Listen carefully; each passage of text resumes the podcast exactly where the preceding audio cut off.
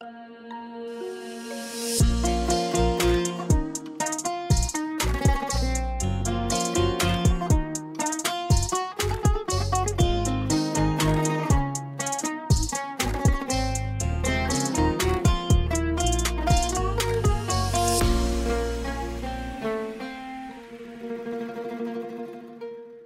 أهلا وسهلا ومرحبا بكم في الحلقة الأخيرة من مساحة المترجم الرمضانية.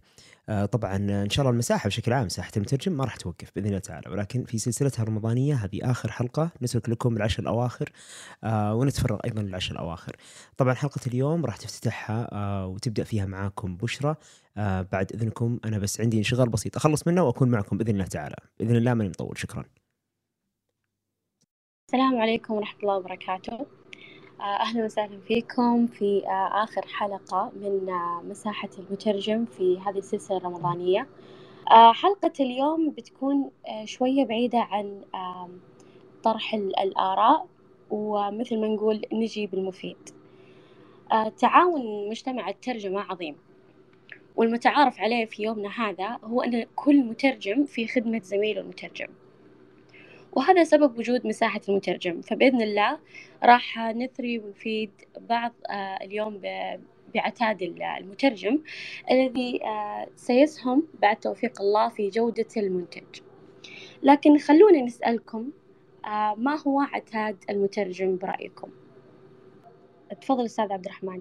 السلام عليكم. مساء الخير. مسي عليكم جميعا صمم مقبولا وإفطارا شهيا. أنا راح أبدأ بمقدمة يعني والكل بعدي راح يتوسع. آه، ببساطة عتاد المترجم هي ثقافته ثقافته واطلاعه. آه، من إيش تجي الثقافة؟ من إيش تجي من إيش يجي الاطلاع؟ مصادر عديدة ومصادر كثيرة. أنا خريج لغة إنجليزية وآدابها. آه، درست ترجمة إضافة يعني للأدب لكن محتوى مواد الأدب كان عندنا كثير. من محاسن دراسة الأدب أن حببني في القراءة والاطلاع والثقافة. وزي ما نعرف يعني الثقافة آه، شيء أساسي في الترجمة. ف غير الثقافة والأمور هذه في أمور كثير ثانية. لكن حاب نبدأ من هذا المنطلق ونتكلم يعني عن الثقافة. هذه كانت البداية من عندي وبعدين إن شاء الله لنا أطروحات قادمة بإذن الله. يعطيك العافية. فعلا أتفق. آه صراحة في الحلقات اللي, اللي راحت تكلمنا كثير عن مسؤوليات المترجم. تكلمنا عن آه التسويق الذاتي تكلمنا عن آه كيف يقدر آه يواجه آه الصراع وتقلبات السوق. واختلفنا واتفقنا في آراء مرة كثير. آه عتاد المترجم فعلا مثل ما قلت هو ثقافة المترجم. آه، عتاد عتاد المترجم هو اللي بيكسب المترجم الاستقرار والثراء في سوق الترجمة. هو اللي راح يخليه داخل سوق الترجمة ناجح. هو اللي راح يضمن ثقة العملاء فيه. وهو قيمة المترجم المضافة. أحد أهم آه، القيم المضافة اللي ذكرناها في الحلقات الماضية هي الفصاحة. وفصاحة المترجم هي جودته واستمرار بقائه داخل السوق. دراسة تخصص الترجمة غالبا تكون باللغة الإنجليزية رغم أن لغتنا الأم هي العربية. فيتخرج آه، طلبة الترجمة منطلقين في اللغة الإنجليزية فينتظرهم سوق الترجمة محملا آه، بالمشاريع اللي تتطلب الجودة وخاصة في اللغة العربية. فيقعون في إيش؟ في شباك الركاكة وبالتالي قلة الطلب آه، من العملاء. كما ذكرنا في الحلقات الماضية عن مسؤوليات كمان المترجم وإنه لازم يصقل مهاراته وفصاحته هي مسؤوليته وحده وراس ماله.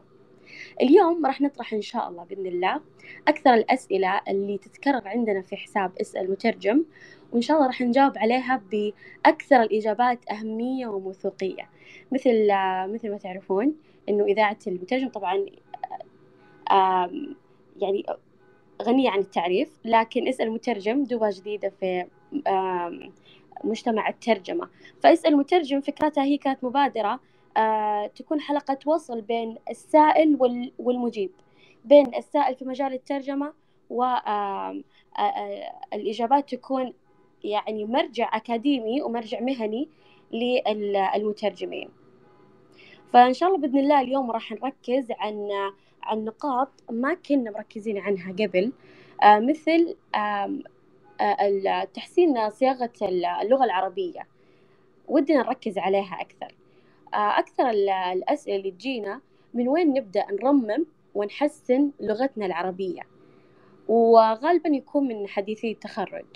وإيش اللي راح يساعدنا في مرحلة الترميم والإصلاح وتحسين الصياغة؟ فالترميم صراحة أنا أول شيء بسمع منكم لكن آه، بعدين أشوف آه، إيش الموجود. تفضلوا. إيش برأيكم الطرق الأكثر فعالية في ترميم وتحسين آه، صياغة اللغة العربية عندنا؟ خليني أقول رأيي أول. ممكن أحد يجهز إجابة. لكن خذوا راحتكم. المساحة مفتوحة لكم. أوكي عندنا الحين ترجمان. تفضل أهلا وسهلا.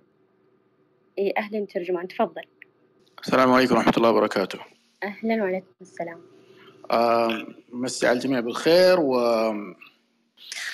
أما بالنسبة للسؤال كيف آه يحسن الطالب أو الخريج مستواه في اللغة العربية خاصة لأنه أنتم تعرضتوا لقضية أنه كثير من الخريجين يفاجئون بأنه إذا خرجوا من ال تخرجوا إذا تخرجوا يفاجئون في السوق أنه يحتاجون إلى تحسين لغتهم العربية. ف يعني جواب مختصر. آه، أعتقد أنه أول آه، سلم أو أول درجة في سلم التعلم هي السماع. فيحتاج الشخص يرجع يستمع إلى الكتب الصوتية ربما يحتاج يسمع إلى الكتب الصوتية المسجلة باللغة العربية الفصيحة. آه، يستمع إليها يستمع إلى مواضيع في هذا المجال في المجال الذي يعني يحبه. لكتاب فصحاء آه، معروفة يعني معروفة فصاحتهم ومشهود لهم بالفصاحة.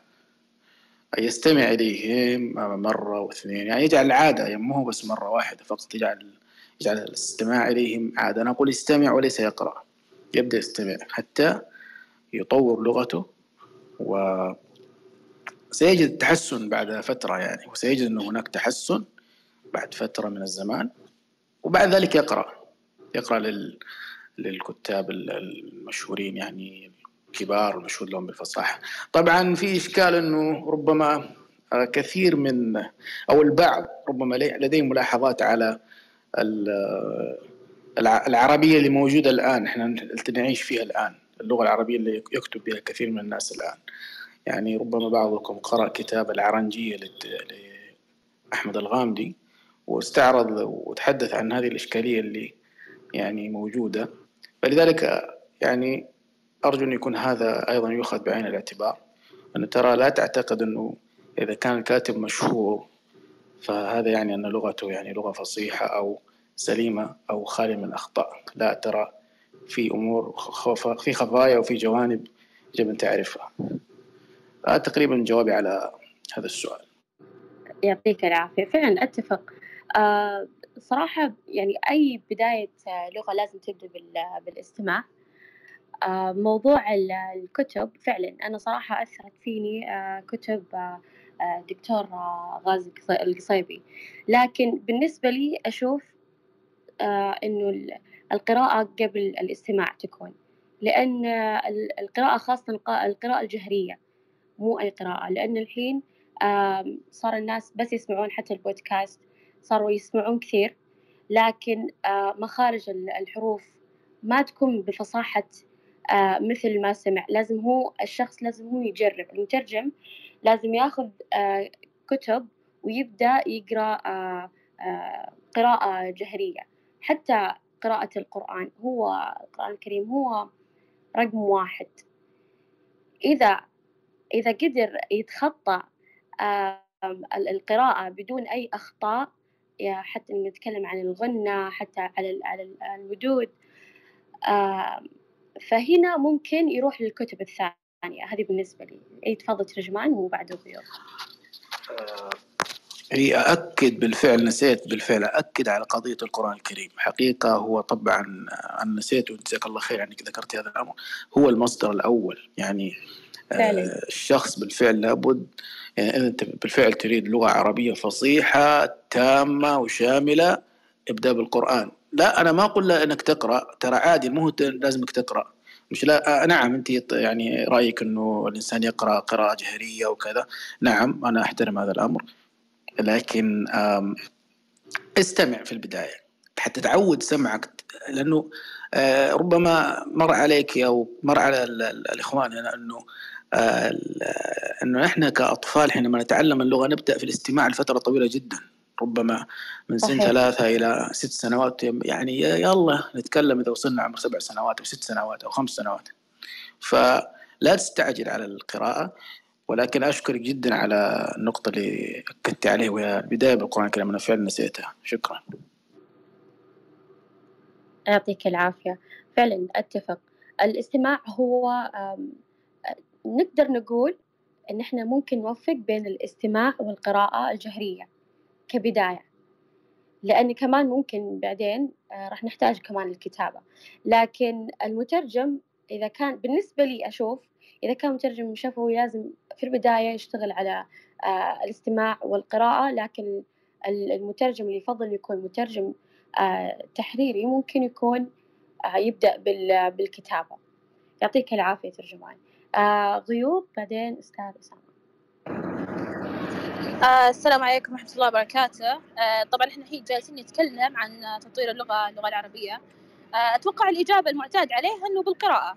ولكن آه القراءة لما نجي نقرأ آه لما تمر علينا جملة آه ما نخليها تمر علينا مرور الكرام لا يعني نبدأ نفصلها نشوف إعرابها نشوف الحركات يعني الكلمات الكلمات الموجودة والأفعال نشوف مصدر الفعل وتصريفه. أيضا أود أن أنصح بقراءة الكتب النحوية نتعلم مصادر الأفعال وتصاريفها. آه، أيضا آه، مثل ما ذكر ترجمان أن اللغة العربية الموجودة الآن اختلفت عن السابق وأصبحت اللغة العربية المعتاد عليها الآن آه، كأنها لهجة بيضاء. فممكن إحنا نطور مهارة القراءة قبل مهارة الاستماع. نتعلم تجاويد مثل ما ذكرت بشرى في القرآن الغنة التجاويد متى نشد متى نرخي الحروف متى السكون. فهذه أيضا مهمة أنها وتطور لغتنا العربية. آه، قراءة القرآن مثرية جدا. الأفعال الموجودة فيه آه، طريقة تصاريف الأفعال في القرآن الكريم يعني آه، ممكن أنها تطور لغتنا العربية بشكل مثري جدا وكبير شكرا. يعطيك العافية فعلا أتفق. عندنا أستاذ أسامة. السلام عليكم. طبعا بخصوص اللغة العربية والطلاب اللغة الإنجليزية أنهم يركزون على اللغة الإنجليزية ويهملون العربية. أنا صراحة طالب لغة إنجليزية لكني عكس الطلاب. أنا لغتي العربية أقوى من الإنجليزية. ليس إهمالا بالإنجليزية وبصراحة ما بذلت أي جهد في إني أتعلم العربية وأكون فصيح في العربية قدر ما أن أني لما كنت في المرحلة الابتدائية والمتوسطة كنت طالب تحفيظ قرآن. كنت أحفظ القرآن بتجويد و... وأقرأ القرآن كل يوم دراسي. فلذلك أصبحت لغة لغة العربية جيدة. مع أني لم أبذل أي جهد. وفي في حصص اللغة العربية ما كنت يعني بصراحة ما كنت أركز مع الأستاذ من ناحية الشرح والإعراب وكذا و... والنحو. لكني فقط لأني كنت أقرأ القرآن بالتجويد. الحمد لله اللغة العربية أصبحت جيدة. فلذلك أنصحكم بقراءة القرآن بالتجويد وليس قراءة عادية بالتجويد والتركيز على الكتابة وكيف والكتابات النحوية. ركزوا لغويا بالقرآن بعيدا عن المعنى. ممكن يفيدكم من ناحية تقوية اللغة العربية. ومن ناحية الاستماع والقراءة الاستماع أعتقد إذا كنت بتكون متحدث فصيح تستمع كثيرا. أما إذا كنت تريد كاتب فصيح فتقرأ كثيرا. وطبعا أنا آه، سألت الدكتور كنت أدرس عند الدكتور عبد المحسن العنيق الله يحفظه وسألته بخصوص اللغة العربية وكيف اقويها وكذا وقال لي اقرأ. لأنك راح تكتسب بالقراءة راح تكتسب اللغة تذوقا بعيدا عن إنك تدرس النحو وتدرس علومها بشكل عام. وشكرا لكم. يعطيك العافية أسامة صدق أتفق. أي شخص أقابله يكون متخرج من مدارس تحفيظ قرآن أكتشف و طبعا أكتشف بعدين لأني أنا أكون ملاحظة أول إن عنده فصاحة عجيبة مو زي الطالب العادي. ما أدري إذا أنتم تتفقون معي ولا لا لكن فعلا أي شخص أشوف أشوف فيه الفصاحة على طول أسأله. أنت تخرجت من مدارس تحفيظ قرآن أو لا. وبعضهم تكون فيهم هي سبحان الله فيهم لكن الأغلب يكونون خريجين من مدارس تحفيظ قرآن. يعطيكم العافية كلكم. طبعا جينا بالفائدة كمان. عندنا دكتور وليد العمري أرسل قبل فترة تغريدة كانت عن تبسيط علوم اللغة العربية بنحطها بإذن الله في قناتنا قناة اسأل مترجم في التليجرام. راح نوثق كل شيء راح نقوله اليوم. بالروابط وكل شيء يعني لا تشيلون هم. تبسيط علوم اللغة العربية كان المدخل إلى النحو والصرف والإملاء. فموجود مية وأربعة وعشرين درس. فهذا هذا المصدر لحاله ممكن إنه يديك مخرج جدا قوي ويحسن كثير في الجودة. كمان برضو عندنا في مجلة الوعي الإسلامي الكويتية الجامعية جمعت كل القواعد العربية وعرضتها بشكل مبسط وشامل كمان مع ذكر الأمثلة. كمان راح نثبت التغريدة هنا في المساحة. تفضل تفضل أستاذ أسامة. أه معلش لكن نسيت أن أذكر أن في جلسة رمضانية في قناة بيت المترجم على اليوتيوب للأستاذ أحمد الغامدي تحدث عن اللغة العربية وتقويتها و... ومن هذه الأمور فأنصحكم بالاستماع إليها. حلو إذا أول عليك أمر أنك تحطها في شات المساحة ويصير موثقة هنا. نثبتها عشان الكل يشوفها. يعطيك العافية. كمان عندنا أستاذ وافي الثقفي. معروف جدا بتحسين الصياغة. أهلا وسهلا أستاذ فهد. معروف جدا بتحسين الصياغة فقدم دورتين تدريبيتين عن تحسين الصياغة في اللغة العربية.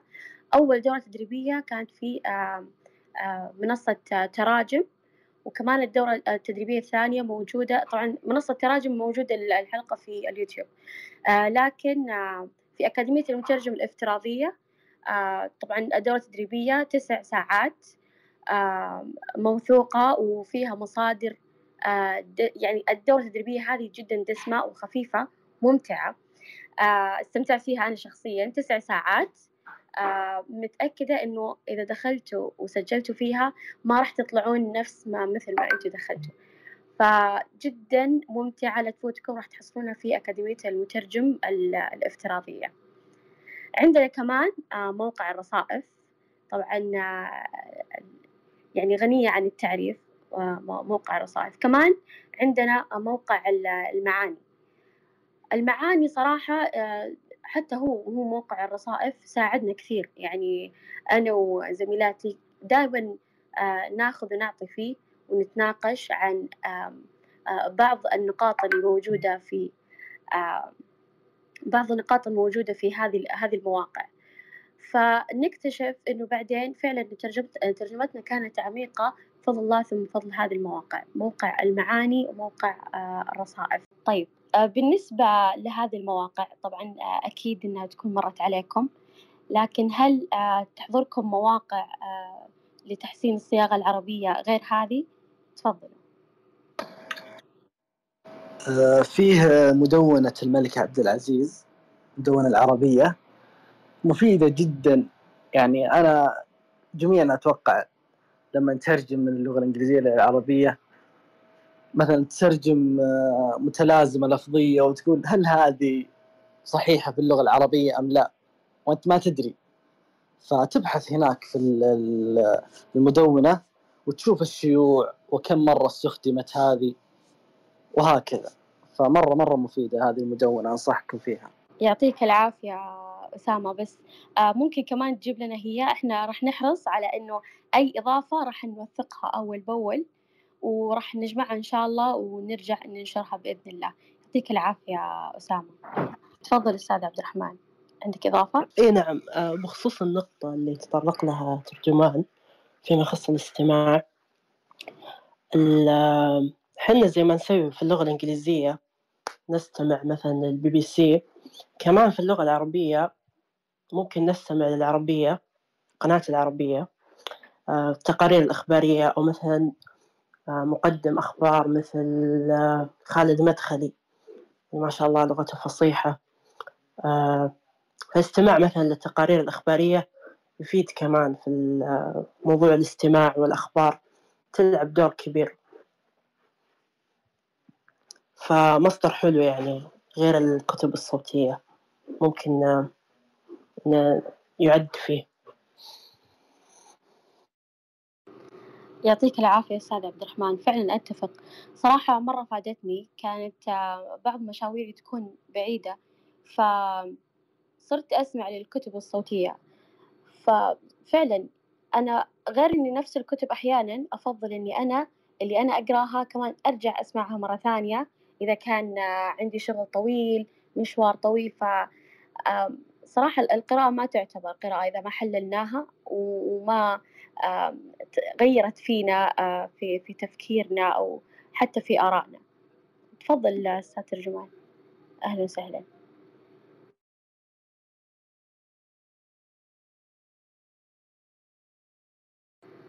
آه، ترجمان هل عندك رأي؟ أهلا بالنسبة للرأي الأستاذ عبد الرحمن أنا أوافقه نعم. آه، إذا كان الإنسان يريد أن يعني يبدأ يريد أن يعرف اللغة العربية المعاصرة الموجودة الآن يعني تعينه على معرفة ما يحصل حوله آه، حتى لا يفاجأ بها. لكن كبداية أو كتأسيس يعني أنا اقتراحي أميل إلى أنه يبدأ الإنسان بالاستماع للكتب الصوتية يعني الكتاب اللي هم آه، أفصح وأقدم يبدأ معهم حتى يكون حصيلة وحتى حتى يأسس نفسه لغة قوية فصيحة. وبعد ذلك ممكن ينتقل إلى اللغة المعاصرة الموجودة الآن لأنه ما يخفى عليك أنه لغتنا العربية اللي نحن الموجودة الآن يعني عليها ما عليها ومن يعني عليها ما عليها من الملاحظات يعني.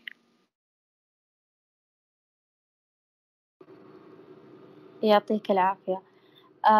بالنسبة لترميم وتحسين آه، صياغة اللغة العربية طبعا يبدأ بتحليل نقاط قوة وضعف آه، المهارات اللغوية للمترجم أي مترجم آه، وده إنه يحسن. صراحة هذه أنا جربتها كمان مع نفسي. قبل ما بديت إني أنا آخذ أي أي أي دورة ممكن تحسن آه، الصياغة العربية عندي أول شي سويت اختبار. جبت حرفيا كم كم جملة باللغة العربية الفصحى. حاولت إني أعرب. ما قدرت. فهذه كانت أول صدمة لي. ف بعدها آه، أخذت كم فيديو في, في اليوتيوب. وعرفت أتر... آه، مو أترجم عرفت أعرف بعضها. لكن بعد ما أخذت كم دورة تدريبية منها اللي موجودة في أكاديمية المترجم الافتراضية. صرت بعدها أعرف أترجم يعني مئة, مئة بالمئة آه، أعرف أعرب عذرا. هذا شيء. الشيء الثاني إنه كثرة الإعراب كثرة القراءة حسنت فيني عكست فيني كثير لدرجة إنه حتى المخرج عندي صار أفضل من أول. الجودة عندي تغيرت مية وثمانين درجة. ليش؟ طب فين المشكلة؟ يمكن بعضكم بعضكم يعني يقول إنه أنت طالبة جامعية المفروض إنك تكونين أدرى. لكن بحكم إن دراستنا أغلبها بالإنجليزي فأنا ومثل حالي من الطالبات نسينا تقريبا الإعراب. يعني ممكن بس المبتدأ والخبر. حرفيا وصلنا لهذه الدرجة. فأنا لما بديت بصعوبة من هذه طبعا أنا ما أقول نفسي إني أنا مرة محترفة الحين لكن أحاول قد ما أقدر إني أنا أحسن اللغة العربية عندي لأننا حتى أنا قاعدة آه، أقول للدكاترة عندي إن إحنا ما نترجم الإنجليزي الإنجليزي نترجم الإنجليزي العربي عربي إنجليزي. فلازم إن إحنا كمان نهتم للغة العربية. فنبدأ ممكن بترجمة آه، بإعراب. أنا معلقة على ترجمة. بإعراب جملة معينة. آه، نجاوب على الأسئلة النحوية. آه، في مرة نشرت سؤال. فجبت جملة موجودة كانت واحدة من الأسئلة اللي موجودة في دورة التحسين الصياغة. فكثير ما جابوها صح. وكانت تتكلم عن الهمزة الموصول همزة الوصل وهمزة القطع. فكثير ما جاوبوا عليها صح. فعرفت وقتها إنه الأغلب منا إحنا خاصة إحنا حديثي التخرج نحتاج فعلا إن إحنا نحسن الصياغة. آه عندكم أي أحد عنده تعليق ممكن يعلق في, في الشات؟ أي تفضل ترجمان. ممكن يعلق في الشات وخذ راحتكم أبد. المساحة مساحتكم. إي نعم. بالنسبة للغة العربية طبعا في إشكال كبير أنا أعتقد يتفق فيه مع الكثير إنه كثير يشتكون من إنهم لا يعرفون النحو لا يفهمون النحو عندهم إشكالية مع يعني مع قضية قواعد اللغة العربية وما إلى ذلك. وهذه مسألة يعني حتى أساتذة ودكاترة وعلماء النحو والصرف كذلك والعلوم العربية بشكل عام يتكلمون في هذا الأمر. لكن أنا عندي آه، ربما هذا تضمون العتاد إذا تضمون أنتم. آه، الأستاذ الدكتور سليمان بن عبد العزيز العيوني. آه، أستاذ الدك... أستاذ النحو في قسم النحو والصرف في في كلية اللغة العربية في جامعة الإمام محمد بن سعود. يعني عنده سلاسل رائعة جدا في تسهيل النحو وأيضا عنده كتاب النحو الصغير هذا ممتاز جدا هو أمامي الآن النحو الصغير ونظمه وفتحه وشرحه وفي أيضا كذلك عنده كتاب الصرف الصغير ونظمه وفتحه وشرحه وعنده كذلك أظن الموطأ في الإعراب وعنده رواية أيضا عنده رواية اسمها صغير ذو زماع هذه أيضا تفيد في في تطوير اللغة فاللي يواجه إشكالية ربما لعله إن شاء الله يقرأ يقرأ هذه الكتب ويقرأ هذا الإنتاج بإذن الله بإذن الله س... ستحل عندهم بإذن الله عقدة النحو بإذن الله. يعطيك العافية ترجمان ممكن توثقها لنا؟ إي تفضل أستاذ فهد. أنا أنا يعني جدا مستمتع صراحة في الحوار لأول مرة كذا أصير أجلس في مقعد المستمع وليس المتحدث صراحة مريح بس أنا ودي أتكلم عن نقطة مرة مهمة جدا. أنا أعرف آه، بأن اللغة العربية مهمة جدا وأن الواحد أن يأخذ اللغة العربية من مصادرها وعلى أصالتها وإلى آخره مهم جدا كأمن لغوي وأيضا كإنتاج ترجمي. ولكن آه، أنا أدعوكم أيضا أنكم تأخذوا بعين الاعتبار أن مش كل عملية ترجمة تتطلب منك أنك تكون المنفلوطي. أو إنك تكون آه، يعني أفضل أفضل متحدث لغة عربية. بل بعض الأحيان إنك إذا ترجمت بلغة عربية فصيحة جدا جدا جدا يرد العمل ويقول لك ما نبغاه. هذا مو مفهوم. فهنا لازم نعرف أصلا وش هي أعمال الترجمة اللي ممكن إحنا نستلمها. إذا أنت والله مستلم شهادة ميلاد وتجي تقول لا أنا بغير فيها كل شيء إلى عربي فصيح وأي شيء ما هو بعربي أنا بغيره مثلا في أغلب الأحيان يعني ما راح تتحاسب ذاك اليوم. وإذا آه، يعني جاك تقرير مثلا والله من تقارير الرؤية مثلا وراح يعرض على مجموعة من الأشخاص آه، يعني مطلوب منهم الرأي ووجدوا إنه فصيح جدا لدرجة إنه غير مفهوم بالنسبة لهؤلاء الحاضرين. فترى ذاك اليوم برضو ما بتتحاسب تتهزأ بدل ما تحسب. فلازم نعرف إنه يعني يعني برضو مواطن استخدام اللغة العربية واستعراض العضلات آه، في اللغة العربية الفصيحة الكاملة الشاملة المحسنة آه، غالبا ترى في الأدب. مش في المستندات اللي حتى اسمها بال يعني إحنا نسميها علميا اللي هي ال technical documents المستند اللي يعني آه، راح تستخدمه في يسمونها المستندات الفنية. يعني مثلا أنا عندي مثلا ثلاجة شاريها. واجي ألقى مثلا دليل الاستخدام باللغة العربية الفصيحة لدر أنا أتكلم طبعا إذا وصل لدرجة إنه يعني الشخص العادي غير قادر على فهمه فنحذر من هذا الجانب. آه أيضا في الترجمة الشفوية مهم إنك مو بس تقرأ وتعرب وكذا لازم إنك تحاول بقدر الإمكان إنك تدخلها ضمن سليقتك تصير هذا أسلوب حديثك أو تستطيع إنك تتحدث بهذه اللهجة أو بهذه اللكنة آه، أو بهذه الفصاحة بشكل طبيعي جدا ليش لأن أصعب شيء ممكن يسويه المترجم الفوري أو المترجم الشفوي إنه يقعد يتذكر اللي انقال ويحاول إنه يصيغه بأفضل لغة عربية ممكنة يعني تكون محاولة.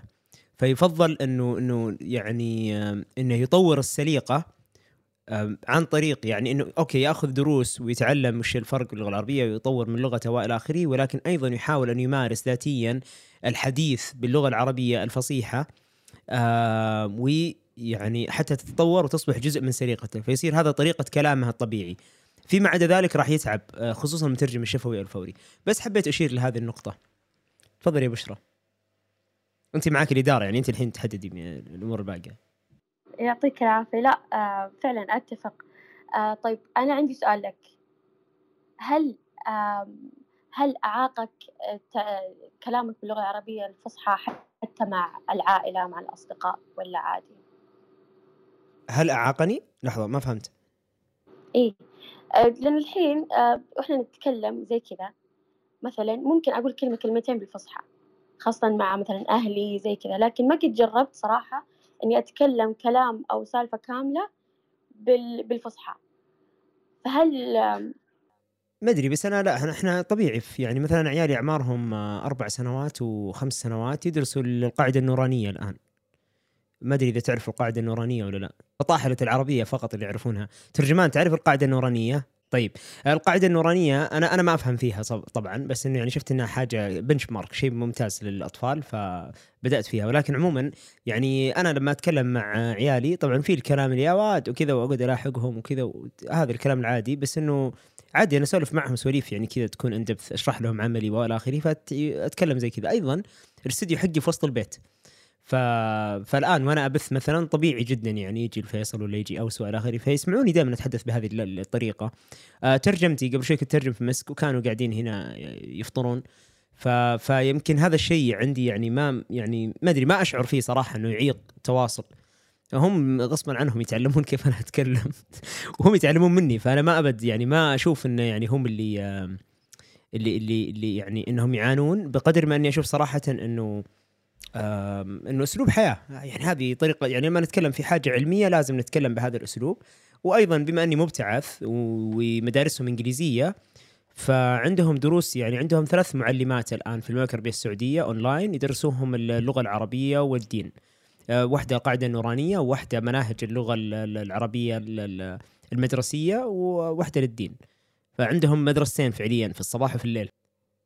طيب آه، أيمن خلينا نسمع منك. أنا آسف ترى دخلت عليك بالخط أو بشرى قالت لي تفضل تكلم وأنت كنت آه، تستنى. ودي أسمع منك. آه، السلام عليكم حياكم الله. بالنسبة لموضوع اللغة العربية كأحد أدوات المترجم بذكر هنا قصة وموقفين. القصة ذكرها لي اللي هو كبير المترجمين في اتحاد البرلمان الدولي الدكتور شوقي الرئيس مرة جانا عمان وعملنا ورشة كذا في الترجمة الشفوية فسألنا هذا السؤال قال وش تعتقدوا أكبر مشكلة يعاني منها المترجم الفوري؟ في المنظمات الأممية وإحنا نعاني منها كمنسقين أو مديري برامج أو مديري مترجمين أو مشاريع ترجمة.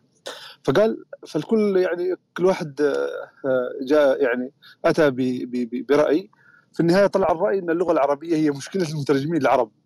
آه، وأساسها مثل ما ذكرتم إن يعني التركيز خاصة في جامعاتنا آه، في برامج الترجمة يعني أكثر على تطوير جانب اللغة الإنجليزية.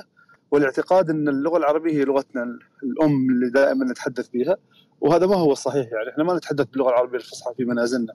نتحدث بال- باللهجات و وال يعني اللهجات اللي نتحدث فيها في في بيوتنا. فلذلك ألاحظ أيضا مع طلبتي يواجهوا هذا التحدي. يعني بداية لما يبدأوا يترجموا فوري أول مشكلة انه كيف بنترجم فوري باللغة العربية الفصحى؟ فهذا التحدي يحتاج مران يحتاج ممارسة والأشياء اللي ذكرتها كلها. فنتفق معاكم تماما نحتاج نقوي لغتنا العربية. آه ثاني شيء الموضوع اللي هو اختيار اللغة الاختيار بين العامية والفصحى واللغة البيضاء اللي تسميوها الإعلاميين. آم، هذه نعم نحتاج إن نتأكد منها من العميل قبل ما نسميه بنظرية الهدف سكوب الثيري وش الهدف من الترجمة؟ من راح يقرأ الترجمة وما إلى ذلك. وبعدها نحدد هل أنا بكتب بالعامية أم بكتب باللغة العربية الفصحى. الموقف اللي صار لي موقفين آه، موقف في الترجمة الشفوية آه، مرة كنت مع عميل وكان مستوى المتدربين يعني دون ال- البكالوريوس. فطلبوا مني أن أتحدث بالعامية في التدريب ما أتحدث باللغة العربية الفصحى. فتحدثت معهم بأريحية المتدربين باللغة العربية باللغة العامية العمانية وكلهم عمانيين. وحنا عندنا في عمان لهجات مختلفة تماما فأنا اخترت لهجة وسط يعني تضم اللهجات العمانية.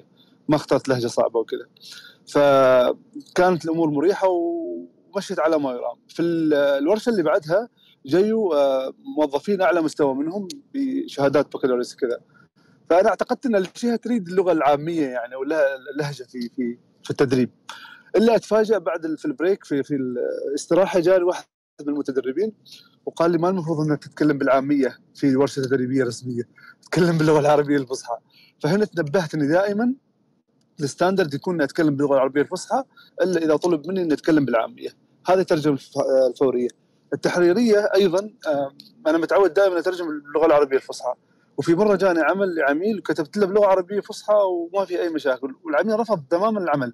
قال هذه العربية أنا ما أحتاجها في إعلان عن شركة اتصالات. أحتاج لغة بيضاء آه، تستهدف الجمهور.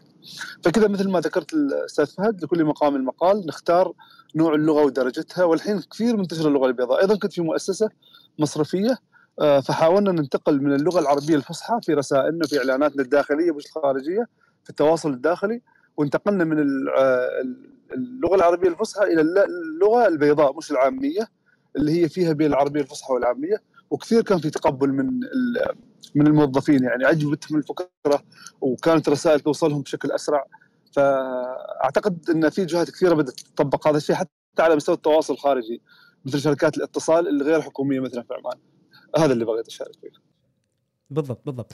آه هذا اللي كنت أبغى أشير له إنه بس نقطة إنه آه مو دائما خيار اللغة العربية الفصحى هو الأمثل لأنه ممكن يخسرك عميل وإلى آخره. بس طيب حيكون عندنا سؤال طبعا بجيك الحين يا غيوض ترجمان بس حيكون عندنا سؤال إنه كيف نوازن أصلا بين إن آه إنه أنا أحافظ على لغتي العربية وإني أساعد في إن اللغة العربية هذه آه تبقى وتحيا وتتجمل والناس تصير تتفاخر فيها وبين إني أوازن بين طلبات العميل. هنا أنا أقول لك يعني شخصيا أنا أتكلم عن نفسي. آه شخصيا أحاول مثلا إني أضيف كلمة كلمتين من هنا من هنا آه بحيث إنه لما تجي يجي أحد يقول لك هذا وش أقول له هذه لهجة بيضاء. بس الكلمتين هذه فصحى وهكذا. طيب خلينا نسمع من غيوض بعدين ترجمان. تفضلي غيوض طيب لما كنا نتكلم عن آه تطوير اللغة العربية إنه كيف أنا أطور لغتي العربية إنه أنا أنصح إنه لما نجي نقرأ نقرأ قراءة تخصصية أكثر. يعني مثلا نقرأ دوكيومنت آه تكون عن آه، السلك القانوني مثلا. لو تكلم لما تكلمنا عن شهادة الميلاد آه لما نترجمها مثلا نقرأ أو نبحث عن آه شبيهة علشان آه ما نكون خارج خارج خارج السلك خارج النطاق. عشان ما تكون ترجمتنا يعني آه آه مثلا لما قلنا عربية فصحى بزيادة عن اللزوم ما حد يقدر يقراها عشان يعني ما يصير كليشيه أكثر. صحيح هو بس اللي بس اللي كنت بوضحه هنا إنه في غرض من كل مستند. في مستندات مثلا التعريف الهوية مثل شهادة الميلاد وغيرها هذه لازم تكون باللغة اللي يعتيد على انه الناس تفهمها. لغة الدولة نفسها بنفس يعني. مثل ما هي مو مو, مو شرط. مو شرط. يعني مثلا مثلا آه تلقين شهادة الميلاد في المملكة العربية السعودية اسمها شهادة الميلاد. قد قد تلقين في لغة ثانية اسمها مثلا آه license الميلاد. آه مثلا فاي فأنت بالعربي تحطها زي ما اعتادوا عليها. يعني مثلا مثلا شهادة البكالوريوس. إحنا نقول شهادة البكالوريوس في اللغة الإنجليزية صح ولا لا؟ بعض الدول اللي منهجها أو تسمي شهاداتها بالأسلوب الفرنسي تسميها شهادات الليسانس. وتكتب بالعربي الليسانس. ما تقدر تغيرها للبكالوريوس. أيوه عشان كذا نبحث إنه نشوف الدولة نفسها اللي إحنا نترجم لها. آه، كيف تكون المكان اللي إحنا نترجم له كيف عشان نكون نفس نفس المعتاد عندهم بالضبط. بينما في مستندات أخرى تعريفية أو داخلية آه هذه نستخدم فيها اللغة العربية يعني حسب طلب العميل، بعضها يقول لك أبغاها فصحى بس الأغلب الآن يبغى بيضاء لأنه يبغى التواصل، يبغى إنه هذا المستند يقرأ، تعليمات وغيرها. نجي لكتب الأدب والكتب ال ال ال الأدبية أو ال الكتب الرأي أو مقالات أو الصحف، هنا لا، هنا حاول بقدر الإمكان إنه أنت يعني آه تاخذ اللغة العربية الفصحى اللي أنت تريد لأنه هنا ممكن يكون طابعك هنا ممكن تكون بصمتك آه ولكن ممكن يجيك العميل بطلبات محددة أو مخصصة. طيب قبل ما نخلص من هذا المحور ننتقل للمحور الثاني ودي أسمع من ترجمان وبعدين ننتقل للمحور الثاني تفضل ترجمان. إيه، كنت كنت ناديني وتقول لي هل تعرف النورانيه؟ أكيد بالفعل هي الأساس وأنت جزاك الله خير إنك جالس تعلم أبنائك النورانيه لأن هي الأساس وأنت يعني جالس تقدم لهم يعني أعظم خدمة راح تنفعهم بإذن الله طول العمر. آه بالنسبة للنقطة اللي أنت أكدت عليها أكيد أنت حدث الناس بما يعقلون أنت لا يعني لا تروح تسوي عليهم الفراهيدي ولا وتعطيهم لغة يعني هي يعني لا لا يفقهونها ولا يعرفونها هذا أمر يعني يرتبط أكيد بذكاء المترجم ومعرفته للبيئة التي يعمل فيها ومتطلبات اللي متطلبات العمل الذي يعني أسند إليه. فأنا معك قلبا وقالبا.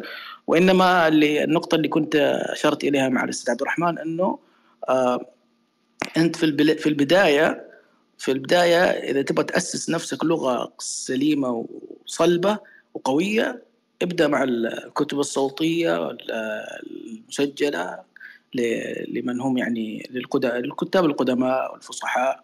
بعد ذلك انتقل انت للغة المعاصرة حتى تكون على وعي بها وتستطيع أن تتعامل مع الأعمال اللي تأتيك وتتطلب منك إنك تستخدم لغة معاصرة ما يعني ما تجيب لك مشاكل مع عملائك. شكرا. بالضبط. خلينا نتفق يعني اذا هنا إنه أول حاجة يعني هناك في اتفاق إنه الجميع دامك مترجم لغة عربية وإنجليزية أو أي لغة أخرى لغتك العربية تراها أهم. وإنك تكون أنت العالم في لغتك هذا أهم جزء أنت لازم تدركه. آه وأيضا عليك آه نتفق إنه ترى علينا جزء من المسؤولية إنه إحنا يعني نرفع من مستوى اللغة العربية المستخدمة بشكل عام بقدر الإمكان. وفي نفس الوقت لازم نجد موازنة مع طلبات العميل واحتياجات السوق ومستوى فهم القارئ. لأنه ما أقدر إنه أنا مثلا يعني أنا أذكر حتى يمكن في, في ما أدري إذا الحلقة بثت أو لسه آه، مع ريان ريان فداغي في حوار المترجم على إذاعة المترجم نفس الشيء. آه، ذكر مثال إنه كيف أكثر من مرة يعني آه، يحاول مثلا يعدل حاجة بسيطة مثل تم تم القيام بذلك. هذه من الأشياء اللي تستفز. أنا طبعا ما تستفزني أنا إنسان بسيط جدا. آه ولكن مثلا كيف كانت تستفز هذه الأمور؟ ويحاول يغيرها وبسببها مثلا يرد عمله كامل داخل الإدارة. ويشرح لهم السبب يقولوا له صح كلامك صح. كلامك 100% صح بس رح لو سمحت رجعها زي ما كانت. فلازم برضو يكون عندنا المرونة آه في إنه إحنا نشوف مستوى القارئ أو المطلوب من العميل لا أكثر ولا أقل. آه نايف حاب تدخل في هذا المحور؟ أه والله شوف أنا كان عندي تعليق على بعض النقاط يعني مسألة اثر أثر السلامة اللغوية عليك في, في سوق العمل يعني عشان لل يعني للطلاب أو اللي ناويين يدخلون سوق العمل. أه في أحيان كثيرة آه، تكون أنت لقمة صائغة للمراجع. ليش؟ قد تكون ترجمتك ممتازة ومحقق المعنى لكن عندك آه، أخطاء كثيرة ميكانيكال وتسبب إنه قد تفقد الفرصة فرصة العمل هذه بسبب الأخطاء هذه. لأن المراجعين عادة أسهل شيء يقدر they can pinpoint وبنظرة اللي هي الأخطاء اللغوية البسيطة مثلا يعني آه، يعني النصب المرفوع وعلامات الترقيم والأشياء اللي إحنا يمكن ما ننظر لها إنها بذيك الاهميه. الاملاء والنحو والصرف. ال mechanicals. أيوه فهذا جانب لابد تكون لابد تكون يعني واعي له إن إذا إذا كنت أنت مقدم على فرصة فرصة عمل وفي مراجع يرسلون يرسلون كاختبار يعني يرسلون عملك آه، يختبرونك لمراجع معين ممكن إنه آه، تروح عليك فرصة بسبب الأخطاء يعني بل بل الأكثر من كذا أذكر إن أحد الزملاء عندنا هنا يعني هي ATA certified يعني هو عنده هو مصحح لل American Translator Association ذكر لي نقطة إن كثير من اللي يدخلون اختبار ال ATA ما يرسبون في الاختبار بسبب قدرات يعني قدراتهم الترجمية وإنما بسبب الأخطاء الميكانيكية لأن هذه عليها نقاط تخصم فيكون جيد من ناحية ترجمية لكن ضعيف لغويا ف آه، يعني آه، يفشل الحصول على الترخيص بسبب الأشياء هذه. آه، أيضا جانب مهم يعني ممكن شوي counter intuitive اللي هو بعض أنواع الترجمة دهور لغتك. يعني يعني أنا مثلا أشتغل في ال localization كثير فالأشياء اللي ترجمها أشياء كثيرة repetitive وفيها تكرار كثير. ف تجد انه خلاص أنت تصير يعني تميل لل structure مثلا القصير للجمل القصيرة. لما تنتقل مثلا نوع ترجمة آخر قد يكون مثلا يتطلب منك ملكة إبداعية أكثر تجد صعوبة في الانتقال من من من المنطقة هذه إلى المنطقة هذه. بسبب إنك ترجمت مدة مطولة في في نمط معين أو في نوع نصوص معين آه، يأثر على قدرتك اللغويه فيما بعد. فهذا جانب مهم برضه أيضا نوعية نصوص الترجمة ممكن تأثر أيضا على على ملكتك اللغوية. الشيء الأخير اللي بذكره اللي هو يمكن ذكروه الأخوان من قبل اللي هو مفهوم مفهوم الجودة. بعض الأحيان مفهوم الجودة اللي يحددها العميل. فيعني أذكر بعض الأحيان لما يقدم لنا اختبار في اللوكلايزيشن يكون في اختبارين اختبار لغوي بحت تماما يعني آه، مطلوب منك تماما إنك تتبع جميع ال ال ال الأنماط اللغوية اللي اللي متعارف عليها واللي تعتبر صحيحة آه، في في ترجمتك. بينما يمكن يرسل لك اختبار يطلب منك العكس بمعنى أن مثلا محل الفاصلة لا تضع لي فاصلة مثلا ضع لي نقطة. آه المرفوع هنا حوله إلى مجرور، ليش؟ لأن الهدف منه أنه ما يقيس آه يعني مدى قدرتك اللغوية بقدر ما بقدر ما يبغى يعرف قدرتك على اتباع الأوامر. وهذه تكون ناحية صعبة للمبدع لغويا يعني إذا أنت مثلا لغتك آه، لغتك العربية سليمة جدا ودخلت الاختبار هذا لابد انك تحاول تخالف كل الاشياء اللي انت تعرفها. فتضطر إنك تفكر في أشياء ما كنت تفكر فيها. فمثلا أنت مثلا عارف ان مثلا أوكي أضع فاصلة في النقطة هذه. لا have to question again لأن لازم أشوف إيش طالب مني العميل فوق في, في ال instructions فصارت الآن جزء جزء من اختبارات ال localization إني أطلب منك تسوي شيء مخالف للمتعارف عليه علشان أتأكد إنك أنت قادر إنك تنفذ اللي يطلب منك. النقطة الأخرى يعني وهي تتمة لنقطة اللي هو مسألة الجودة وهذه مثال دائما أضربه يعني كثير في في نقطة أن الجودة مفهومة فضفاض ويختلف من شخص لآخر. يعني مثلا في لعبة فيديو جيم مشهورة صارت ميم من كثير من الناس بسبب ترجمة من من اليابانية إلى الإنجليزية.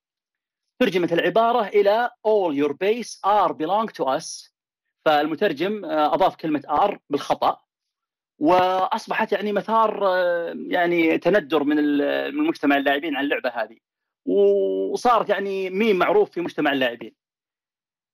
الغريب أن لما أعيد إصدار اللعبة مرة أخرى كثير من اللاعبين شروا اللعبة وهرعوا يتأكدون أن الخطأ هذا أصلح ولا ما أصلح. انه لم يصلح لأنهم كان بيمثل لهم الخطأ هذا يعني ذكرى في اللعبة ما يبونه يصحح. فلما لما نينتندو أعادت إصدار اللعبة بقي الخطأ هذا موجود. خطأ لغوي بقي الخطأ موجود. هذا في إعادة الإصدار. لم يصحح. ليش؟ لأنه صار مفهوم الجودة ليس انه خطأ لغوي لازم يصحح. لا. صار مفهوم الجودة هنا اللاعبين إيش يبغون اللاعبين يبغون يشوفون هذا يمثل لهم ذكرى مثلا العبارة هذه و... ويعني وصار شيء معروف عندنا بمجتمع اللاعبين. فبالتالي لما يعاد إصدار لعبة الرجاء لا تشيلونه. فهذه من الأمثلة اللي إن الجوده بعض الأحيان تكون مخالفة لتوقعاتنا. النقطة الأخيرة وهذه شوية ممكن استفزنا فيها فهد مسألة يعني حتى تسمى عندنا في الترجمة يقول المتمتمون والمقمقمون اللي يعني يقول تم ويقول قام بي. آه، أنا شخصيا أقول اللي اللي ينتقد تم وقام وهو ما عمل في ال localization أنا أقول يعني اسمح أقول انه ما يعرف يتكلم عنه ليش؟ لسبب بسيط أن اللي يشتغل في ال localization يدرك أن استخدام تم وقام هي حلول لمشاكل آه، لا يستطيع المترجم التحكم بها. يعني بعض الأحيان عملية ال internationalization تكون ما في هي ما في عملية internationalization في شغلك فلما يوصلك النص أنت تتعامل مع strings معينة ما يعني قابلية التغيير فيها ضعيفة على سبيل المثال يعني يقول لك مثلا وشخص يقول لا تقول مثلا آه مثلا تم آه مثلا عمل قول مثلا عمل استخدم مبني مجهول. صحيح؟ لكن لما تبين له تقول له okay أنا العميل يقول لي أصلا إن علامات التشكيل آه لا تكون واضحة للمستخدم لأن أنا عندي النص dynamic ممكن يتغير حجمه فلو صغر بحجم معين ما تكون علامة ال diacritic واضحة للمستخدم. فرجاء لا تستخدم علامة يعني التشكيل. فهنا الآن لابد المترجم يعني يأتي بحل. عموما ما بطيل في النقطة هذه بس أنا بشكل عام إن مسألة الجودة اللغوية هي مسألة قد تكون في بعض الأحيان subjective بناء على طلب العميل ومرئياته تمام. طبعا أكثر شيء لاحظناه في حديثك إنه حتى طلبة الدكتوراه ودكاتره المستقبل يلعبون بلاي ستيشن. أنا يمكن هذا أكثر شيء ركزت عليه. آه لا اللي آه صراحة أكثر شيء يعني صراحة شدني في الكلام اللي قيل إنه آه اللي نايف ركز عليه وفعلا أتفق معه ويمكن أنا خاني التعبير شوي قبل وأشكرك يا نايف إنك أشرت لهذه النقطة. إنه نقطة آه في جانب ميكانيكي اللي هو النحو والصرف والإملاء. هذه لما يجيك أي اختبار خصوصا لما يكون في الأول ما في instructions أو فقط ترجم هنا المفروض إنك أنت تلتزم بال بالنحو والصرف والاملاء هذا جانب ميكانيكي وأنت يعني مقيم عليه كشخص يعرف يكتب باللغة العربية أو لا اللي هي مهارات التحرير اللغة العربية. وهذا جانب. فهذا جانب انت لازم دائما تحرص عليه إلا إذا طلب منك أن تخالف ذلك. ويكون جزء من ال branding أو جزء من ال- ال- العلامة مثل ما ذكر المثال الأخير إنه مثلا كان في خطأ لغوي ولكن أصبح brand يعني صار زي اللي سجل صار ماركة تجارية لهذه اللعبة. فصار إنه معليش إذا ذكرت هذه العبارة دائما ترجموها كذا يا شباب. صح إنه إحنا المرة الأولى جبنا العيد بس آه عجبت العالم وصارت جزء من ثقافة هذه اللعبة فلازم نبقي هذا الخطأ. بس الباقي يرحم والديكم ركزوا معنا. فهذا جانب أيضا الجانب الآخر لما ذكر إنه مثلا ال- ال- العميل يكون عنده طلبات خاصة مثلا في السبيلنج والى آخره. فممكن نتفق هنا إنه مهم جدا إن الجوانب الميكانيكية الأساسية في اللغة العربية لازم كلها تعرفها آه لازم تتقنها آه وتكون هي منهجك الأساس. آه الجانب اللي أنا تحدثت عنه آه جانب اللي هو ال- الصياغة وجانب دقة المعنى أو اختيار عفوا اختيار المصطلحات. فهذه الجانبين هنا آه، هذه اللي ممكن آه، يعني أنا اللي كنت لما أقول إنه انتبه بس أهم حاجة إنه يكون عميلك فاهم أو إنك تمشي مع ال- ال- المطلوب أو المعتاد في السوق بحيث إنك أنت ما تقع في فخ. أو إنك تروح للتصحيح ثم تبرر. آه، وإنك تقول ترى في خيارات أخرى ولكن أنا أختار هذا لأنه أكثر فصاحة وإلى آخره وتقبل آه، التغيير. طيب أعتقد طولنا في هذا المحور وإبراء للذمة ولاني أحب صراحة إنه الجميع يكون يعني مستفيد ومستمتع. ترى في مساحة ثانية أيضا عند الزملاء في عمق إذا ما خاب ظني. آه، فإحنا ما زلنا مستمرين لأنه ما خلصنا والله محاورنا وإن شاء الله أول ما نخلص ننتقل كلنا عندهم إذا حبيتوا. بس اللي حاب إنه يروح هناك الحين أبد يعني ما إحنا نحبكم ونحبهم ونحب كل الناس. آه طيب بشرى إذا عندك تعليقات أو شيء تبي تغطيه أو تنقلين للسؤال الثاني لأن الإدارة عندك اليوم خلاص أنت بديتي أنت اللي ماسكة الموضوع اليوم تفضل يا بشرى. آه طيب آه أنا حابة أقرأ التعليقات آه في عندنا ساريا آه السلام عليكم آه هي ما تقدر تشارك بالمايك لكن آه اللي ما يقدر يشارك بالمايك خذ راحتكم في الشات آه تقول أنا ما زلت طالبة بكالوريوس ترجمة لغتي آه العربية من أيام المدرسة للآن أفضل من آه لغتي الإنجليزية وسبب أني كنت أذاكر المادة بحرص وما زلت أهتم فيها. قبل فترة حضرت بعض الدروس للدكتور محمد العمري على اليوتيوب لتقوية اللغة. أعتقد أعتقد إني حضرتها لكن بإذن الله راح نوثقها آه في قناة اسأل مترجم راح نثبتها الحين في المساحة. أستاذ فهد إذا ممكن تثبتها في المساحة. صدق ال- الدروس كانت جدا قوية ودسمة آه، وممكن الكل يستفيد منها. شكرا لك. عندنا من أستاذ ناصر آه، شكرا على جهودكم آه، ثقافة المترجم في لغته الأم, الأم أهم لأنها الخلفية الثقافية للمترجم. أنا متابع لحساب هيثم الوزير هندسة النحو جميل جدا.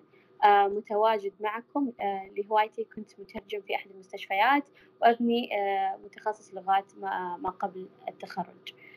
آه، شكرا لك آه، ناصر. لأن صراحة ما ما أعرف آه، حساب الأستاذ هيثم الوزير. آه، لكن صراحة I'm interested. طيب. ننتقل للمحور الثاني. طبعا نتكلم عن آه، اللغات آه، الأجنبية. طبعا اللغة العربية اللغة الإنجليزية يعني في كل مكان صارت لها مصادر صار لها آه، قنوات آه، تعليم فمتشبعين منها. لكن اللغات الثانية مثل الصينية الفرنسية الإسبانية في آه، كثير مؤخرا كثرة الطلب عليها خاصة اللي عند اللي يسكنون في مكة المكرمة والمدينة بسبب الحجاج. لكن آه، في قلة في التعليم والتدريس. ف آه، وفرنا لكم آه، بعض المصادر وال- والحسابات اللي تعلم وتدرب وتدرس هذه اللغات الإسبانية الفرنسية وحتى الأوردو. في بعض ال- المواقع والمنصات راح راح تحصلونها في قناة اسأل مترجم. بالروابط آه، موثوقة بإذن الله تستمتعون فيها. طبعا آه، وفرنا كمان آه، مصطلحات وم- ومسرد آه، ضخم للمصطلحات القانونية آه، كمان في الطبية والمكنز طبعا كان آه، دكتور آه، وليد العمري آه، أضاف آه، مكنز آه، مصطلحات الأمم المتحدة الرسمي بست لغات. فبإذن الله تستمتعون تستمتعون فيه وتستزيدون تستزيدون بإذن الله. طيب أحد عنده أي تعليق على موضوع آه، اللغات الأجنبية؟ أحد عنده معلومة ممكن يفيدني فيها؟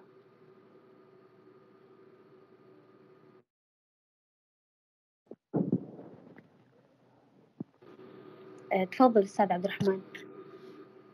أهلا وسهلا. آه، أنا عندي تعليق بس في كل اللغات بشكل عام مو بس في اللغات الأجنبية يعني. هذا ينطبق على جميع لغات العالم آه، في نهجين لاستخدام اللغة. منهج وصفي ومنهج معياري اللي هو prescriptive approach و descriptive approach. المنهج المعياري أشبه به قل ولا تقل. يعني في حسابات كثير في تويتر اللي يقول لك قل هكذا ولا تقل هكذا. اللي يا أبيض يا أسود صح أو خطأ. آه، بينما المنهج الآخر اللي هو المنهج آه، الوصفي هو للغة الفعلية المستخدمة بين الناس بغض النظر هي صح أو خطأ والمثال عليها اللي هي تراكيب لغوية مثل تم ومن قبل آه، اللي علق عليها قبل شوي فهد. ف هذه النهجين يعني في منها اللي يشوف إنه صح وخطأ ومنها اللي لا يشوف وش الدارج وش اللي آه الناس تستخدمه. بس والله هذه هي مشاركتي. دحمي. هلا وسهلا. هلا. الحين انت وش وش تتكلم لغات غير انجليزي؟ كيف؟ وش تتكلم لغات غير انجليزي؟ أه... تكلم مانشستر؟ شوي مانشستر يتكلمون انجليزي. لا لا شو اسمه لا صدق صدق أنا أنا مثلا أعرف إن لك اهتمام في كرة القدم فأعتقد إن عندك شو اسمه لك الظاهر في في الإسباني ولا؟ تعلمت فترة إسباني أفهم شوي إسباني لكن وقفت لي فترة طيب ودنا ودنا ترشدنا مثلا أنت الآن لما جيت توجه للغة الإسبانية آه، وش كانت مواردك الأساسية؟ إذا كان في شيء ممكن تساعدنا فيه بشكل سريع آه، أو بعض النصائح يعني عرفت أحيانا الواحد كذا يصير يحاول. أنا لي تجربة بالفرنسي فاشلة فاشلة بشكل ما تقدر تتخيله فبشارك بعدك يعني. بس أنت عطني بالأسباني إذا كان عندك يعني تجربة لأن ودنا يعني حلقة اليوم ترى ترى الحلقة اليوم من تصميم بشرى وفريقها والهدف إنه يكون في كذا يعني إيش يعني guides لكل شيء. فودنا نعرف مثلا أنت okay تعلمت إسباني وش سويت عشان تتعلم إسباني؟ وش فادك وش ما فادك وليش انسحبت؟ تمام. موضوع حلو. أثرت موضوع ذو شجون زي ما يقولون. آه لي تجربة مع اللغة الإسبانية من 2013 2014 تقريبا. آه تعلمتها سنتين.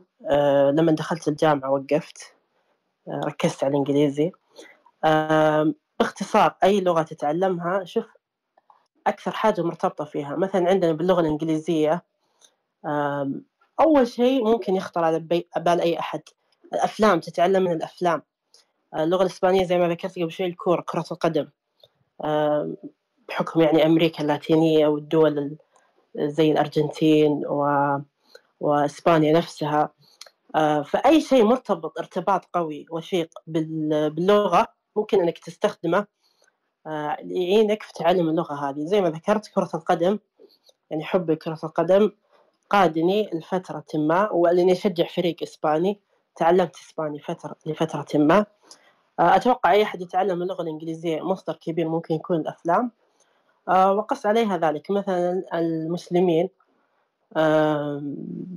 من دول أخرى يعني بحكم ارتباطهم آه، بالدين واللغة العربية يتعلمون اللغة العربية وهكذا. يعطيك العافية.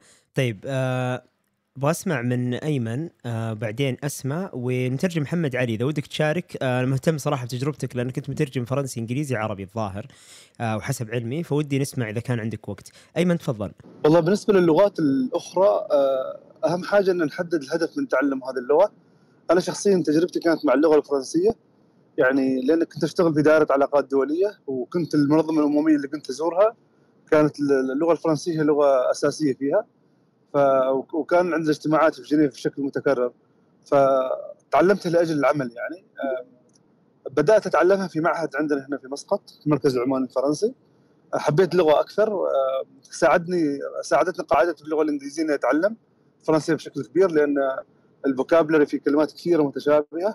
مفردات كثيرة متشابهة بس اختلاف في النطق. وأيضا الأصل اللاتيني لبعض الكلمات الإنجليزية والعدد كبير من الكلمات الإنجليزية.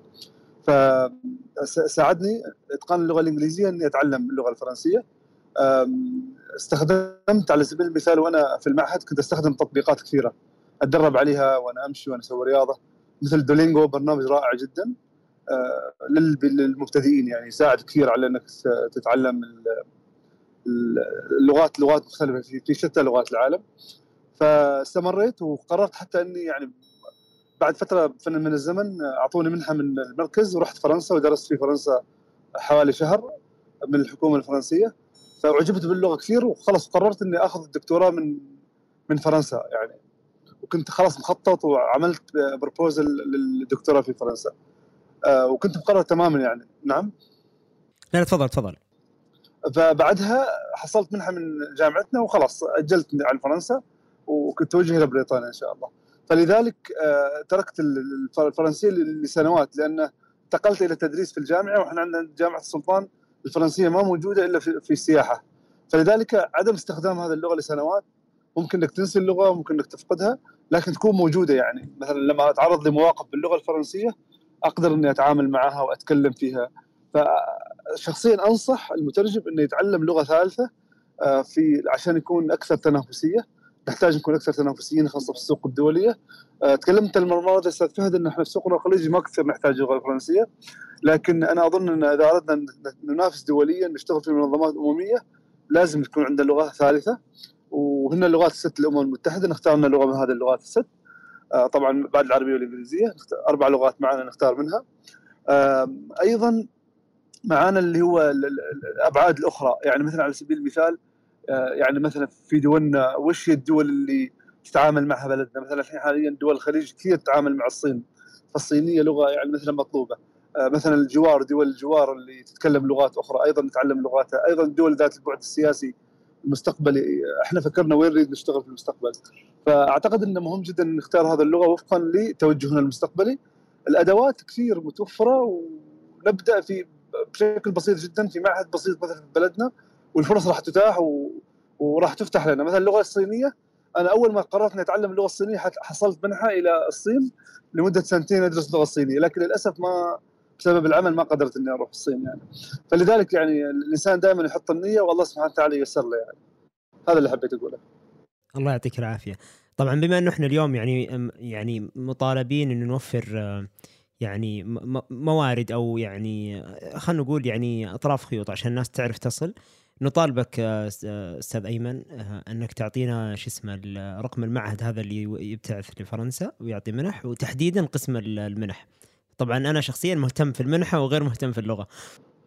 لا هو أستاذ فهد آه، المؤسسة الدولية آه، هي تابع الحكومة الفرنسيه اسمها Alliance Française فأنا برسل رابط المنظمة الدولية ولها آه، ارتباطات داخل الدول نفسها. يعني أعتقد إن مثلا السفارة الفرنسية في الرياض عندهم معهد وهذا المعهد في دورات وعن طريق هذا المعهد الحكومة الفرنسية تمنح هذه البعثات والمنح الدراسية. فأنا برسل رابط هذه المنظمة الدولية ال Alliance Française وممكن إنك آه، يعني تشوفوا الفرص إذا كانت فرص عالمية موجودة. إن شاء الله أستاذ يعطيك ألف عافية. طبعا أيضا بشرى تشير إنه طبعا أنا ثبت التغريده من من حساب آه، اسال المترجم اللي هو رابطهم للانستغرام فالآن تقول نزلوا آه، موارد أو حسابات مهتمة بتعليم اللغة الصينية والإسبانية والفرنسية آه، في قناتهم على التليجرام. أنا أكرر صراحة اهتمامي بهذا المعهد عشان أسافر بس يعني مو لازم أتعلم اللغة لأني حاولت والله ولم أستطع. طيب نبغى نسمع من أسماء لأنك تستني من أول بعدين المترجم محمد. تفضلي يا أسماء. يا أهلا وسهلا السلام عليكم ورحمة الله. أنا صراحة ودي أعطي دوري للمترجم محمد وبعدين لأنه يعني هو راح يتكلم عن موضوع أنا حابة أسمع ف الله يزيد فضلكم. الله يمسيكم بالخير جميعا ويعطيك العافية أخت أسماء وجميع المستمعين. أمانة أنا عندي يعني كان قناعة قبل تعلم اللغات من الطفولة يعني كان عندي قناعة وتأكدت بعد دراستي يعني للغات والترجمة وتخصصي في هذا الميدان. القناعة هي إنه إذا أنت ما كنت حاب الثقافة نفسها تبعت اللغة نتحدث عن الثقافة وليس اللغة ف ستكون المهمة شبه مستحيلة. ما نقول مستحيلة لا حتتعلم أيا كانت اللغة ولكن آه، ستواجه صعوبات أكثر من أنك آه، آه، لو كنت تحب هذه اللغة أو هذه الثقافة. أنا منذ الطفولة سبحان الله كنت أحب الثقافة الأمريكية يعني وأشاهد الأفلام الأمريكية وأفلام هوليوود وفان دام وجاكي شان والأفلام الأكشن والأمور هذه كلها و Friends على على هذاك الزمن. ف كنت أشاهد يعني وأتلقى سبحان الله في العقل الباطن كذا كانت اللغة يعني تتطور. يعني ما تعلمت أي تعليم لغة إنجليزية في أي معهد وفي أي مدرسة عدا التعليم العام يعني واللي يعني جميعنا درسناه يمكن ما كان مميز بشكل كبير. فالحمد لله يعني وصلت لمستوى جدا مميز في اللغة الإنجليزية مع نهاية المرحلة الثانوية. ودون تعلم لا شك هناك مشاكل في الجرامر وفي دراسة اللغة يعني المهتم والمختص فيها تختلف عن دراسة الهاوي. ولكن هذا الشيء يعطيك قدرة تواصلية كاملة في الحديث والتواصل بأي لغة. بخصوص اللغة الفرنسية طبعا كانت تجربة مختلفة تماما. وهذه اللي أنصح فيها أمانة لكل من يريد تعلم أي لغة يعني يحاول إنه يوفر الموارد المالية المناسبة ويتجه لنفس البلد في مقره الأم ويسكن مع عائلة فيصبح الصباح يدرس في المعهد مثلا حتى الساعة الثانية أو الثالثة ظهرا. وبعد ذلك يرجع البيت ويبدأ يتمشكل مع العائلة ويسوي مشاكل معهم حتى يتعلم لغة أكثر ويعني هذه أفضل طريقة أمانة إنه الإنسان يتعلم آه، أي لغة أخرى يعني أنا ما كان في بالي ابدا إنه أتعلم اللغة الفرنسية ولكن آه، بفضل الله سبحانه وتعالى خلال أربع أشهر يعني وصلت المستوى ال B 2 اللي هو B 2 حسب الإطار الأوروبي وهذا المستوى يؤهل لدراسه الماجستير يعني في الجامعات الفرنسية. أي لغة سهلة؟ متى ما كنا موجودين بينهم هناك. نتعلم من ثقافتها، نتعلم يكون التواصل يومي، يعني أنا أفضل إنه التعلم يكون خارج البلد. آه، ليس لضعف المعاهد أو المراكز أو أكيد إن دورها ربح يعني لها جانب ربحي. ولكن حتى المعاهد في الخارج لها جانب ربحي. الفكرة هي إنه تكون أنت مجبور تماما على التواصل بهذه اللغة والإستماع إليها بشكل يعني 24 7 لمدة ثلاث أشهر أربع أشهر ومتأكد بأنك ستحصل على فائدة سنة أو سنة ونصف من لو أنك جلست في بلدك وتعلمت أي لغة. والله يعطيكم العافية يا رب. الله يعافيك طيب اللي تعلمناه من محمد يقول لك اصنع المشاكل فهي تصنع اللغات تفضل يا أسماء آه، السلام عليكم جميعا شكرا لكم. طيب أنا كان سؤالي بخصوص تعدد اللغات يعني أنا مهتمة باللغة الفرنسية وأتحدث قليل منها وكذلك اللغة الروسية.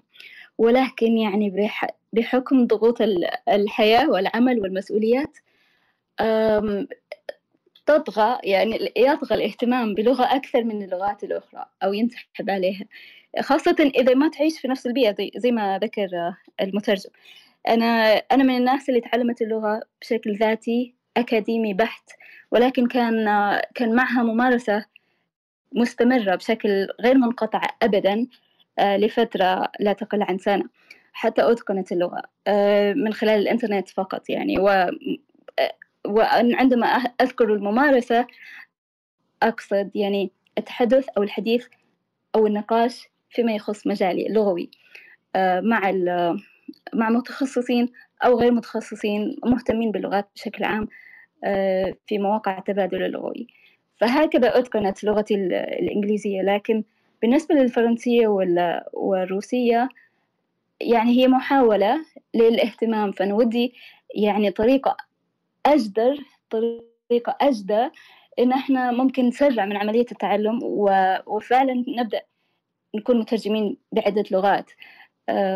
الحين يعني ممكن فرصة الذهاب للبلد أو فرصة تكثيف الوقت والجهد يعني ممكن تكون شوي شوي صعب.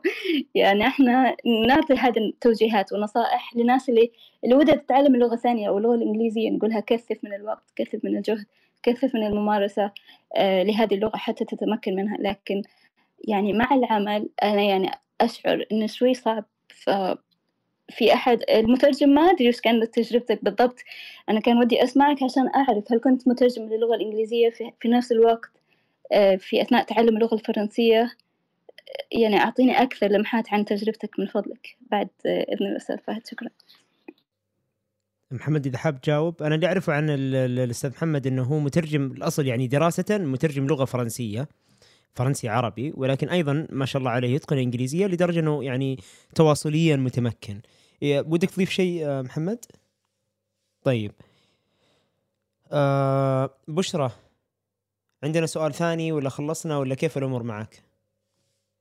إيه الحين ننتقل إلى الترجمة الشفوية. ما هي أحدث موارد الترج- الترجمة الشفوية وما أكثرها أهمية وعملية؟ ما في موارد. لسان لسان وأذن هذه مواردنا ومصادرنا و... ما يعني آه، وش قصدك؟ قصدك يعني موارد تعلم نتعلم منها الترجمه مو- موارد تعلم أكيد. موارد تعلم تقنيات آه، استراتيجيات آه، الأنشطة. في أذكر مرة في دورة الترجمة الشفوية قلت شيء مرة حلو.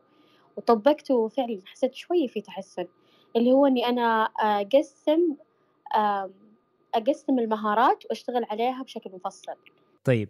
أنا بترك المجال أكثر لأيمن تعرفين ليش؟ لأنه يعني آه، الكلام اللي تقوليه يعني ما في أنا بالنسبة بالنسبة لي رغم ان أنا دراستي الآن يعني في الدكتوراه كلها الترجمه الفورية وتقنيات ال technologies آه، مش تقنيات as techniques ف بس يعني ما في شيء جديد يعني ما, ما, يعني ما في حاجة جديدة في أساسيات امشي عليها وإن شاء الله ربك يسترها معك ف- فهذا من وجهة نظري بس إنه آه، ممكن شوي تجيني أفكار فبسمع من أيمن أول دام جاهز الإجابة. تفضل يا أيمن. والله بالنسبة للموارد الترجمة الشفوية يعني مثل ما قلت المورد الأساسي هو إننا نستمع ونتدرب طبعا آه، للمبتدئ آه، اللي ما ما ما جرب إنه يترجم فوري ابدا أفضل طريقة هي في البداية ال shadowing.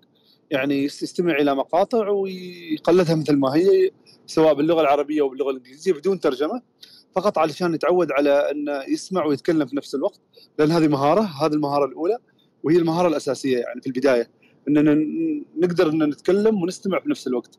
عاد بعدها ينتقل من مرحلة ال shadowing إلى مرحلة الترجمة آه، ويبدأ يترجم في البداية مثلا آه، بالاستعانة بال notes أو مثلا على سبيل المثال آه، في الاتحاد الأوروبي معاهم آه، موقع ممكن آه، أشاركه معكم بعد شوي. هذا الموقع آه، محتوى ثري جدا لتدريب المترجمين الفوريين بلغات ال- الاتحاد الأوروبي. وقبل لا تشوف الفيديو ممكن إنك تتعرف على المصطلحات وتعرف ترجماتها قبل وكذا وبعدين تبدأ تترجم فأنت تعرف الموضوع قبل لا تترجمه فهذا كبداية. فهذا مورد رائع جدا بشارككم إياه مع ان أنا ما أحب إني أدرس طلابي. أنا دائما أدرس طلابي على ال authentic recordings أو التسجيلات والمقاطع اللي من الحياة نفسها يعني من السوق العماني أو من السوق الخليجي. لكن جيد هو للتدريب آه، اللي هو التدريب الذاتي. فإن شاء الله بشيره بشاركه معاكم. اللي هو ال repository صح؟ لأنه هو في اللغات الأممية آه، هو في الأصل لل EU ما هو لل ما هو في الأصل لل لل UN بس ما شاء الله عندهم العربي اللي فيه مها المتولي ولا؟ لا، هو هو ال EU بس ما ما في آه، بالمصادر باللغة العربية ابدا. إلا ال repository؟ لكن في من الإنجليزي للعربي. الرس... الر- آه، ما حصلت أنا بحثت ما حصلت. أيوه repository تابع ال- إلا في مها متولي بس إنه أوكي يمكن أضافه مؤخرا. أتوقع إذا نتكلم عن نفس أنت share ال... ال... ال... ال... ال... لا والله صار له فترة بس إنه قليلة يمكن ستة أو سبع مقاطع فلما تسوي بعض الأحيان أي فلتر على طول تروح. يعني ما ينطبق عليها أيوه صح أنا دائما أستخدم فلاتر أنتقل من ال basic إلى intermediate حاط طلبتي صح إي ما في intermediate في في ال introductory وفي هذا في مهن مهن حتى قبل الظاهر ش... إي قبل شهرين ثلاثة أضافت مقطع. إذا أنت تتكلم عن repository أنت حط الرابط في كل الأحوال عشان لو كنا نتكلم عن شيء مختلفة يصير نع- نعطي مصدرين. لا لا لا لا هو هو هذا المصدر. فأنا دائما أشجع على هذا نبدأ بال shadowing بعدين ننتقل ونجعلها عادة بالنسبة لنا. آه، حتى يعني في في في في المدارس اللي درس ترجمة فورية في العالم الطلبة دائما ينهمكوا في التدريب. يعني تخلي جزء من عملك اليومي إنك تتدرب على مقطع ترجمة فورية. ومع الزمن إنك لأن في مهارات معينة لازم تدرب عليها دماغك يعني. دائما أمزح مع طلبتي أقول هناك في حاجة في سلك في المخيخ الأيسر لازم يضبط يضبط بالتدريب يعني. ف دائما علينا نتدرب بهذه المصادر. فإن شاء الله بعد شوي بشارككم هذا المصدر وإن شاء الله يفيدكم بإذن الله. الله يعطيك العافية. طيب أنا في في عندي ريناد من أول رفع يدها ونسيتها. آسف يا ريناد تفضلي. وبعدين آه، أركان. إذا في أحد يبغى يتداخل الآن يرفع يده بس عشان نسيت والله الترتيب. تفضلي ريناد إذا باقي لسه مهتمه تسولفي وبعدين عبد الرحمن بعدين رسيل ها ريناد جاهزة؟ آه هلا لا والله قعدت دقيقة أفتكر أنا إيش كنت أبغى أقول لكن آه آه تعليقي كان على محور خلصتوه اللي هو عن اللغة العربية. آم، يعني كنت حابة أقول إنه هذه مسؤولية إضافية أحب يعني أنوه لها آه، لمسؤوليات المترجم اللي ذكرتوها بداية الحديث. إنه هناك يعني لما لا نكون إحنا يعني مشجعين على هجر اللغة العربية. آه نعم أحيانا عميل يتطلب ذلك خصوصا بعض الشركات الصغيرة وكذا يعني تحاول. والآن للأسف حتى لو رحت ماكدونالدز تلاقي القائمة مكتوبة باللغة المحلية بشكل ركيك وغير يعني جذاب أبدا. أنا أحد الأشياء هذه اللي تفور دمي. مو تم وقد بس هذه الترجمة اللي آه، إلى العامية البحتة. ففي في اللغة العربية آه، الآن يعني في هي ما هي اللغة المقعرة؟ بل اللغة العربية المستخدمة في الإعلام ترى هذه أصلا فيها أخطاء كثير. يعني الواحد لما تخصص في بعض المواد يعني أخذناها في الجامعة اكتشف إنه آه، يستخدموا أخطاء آه، لغوية كثيرة لكنها أصبحت دارجة لأنها خففت للاستخدام. فيعني يا يا يا ريت يعني لو إنه حتى إذا جاء عميل طلب آه، استرجم إلى لغة عامية إنه حاولوا حاولوا يعني فضلا يعني وكرما إنكم آه، مثلا توعوهم أو تحاولوا تقنعوهم باستخدام لغة على الأقل يعني آه، مرتبة خالية من الأخطاء وبلا شيء من كثر من من عاميه لأنها صراحة تنرفزني طيب أنا.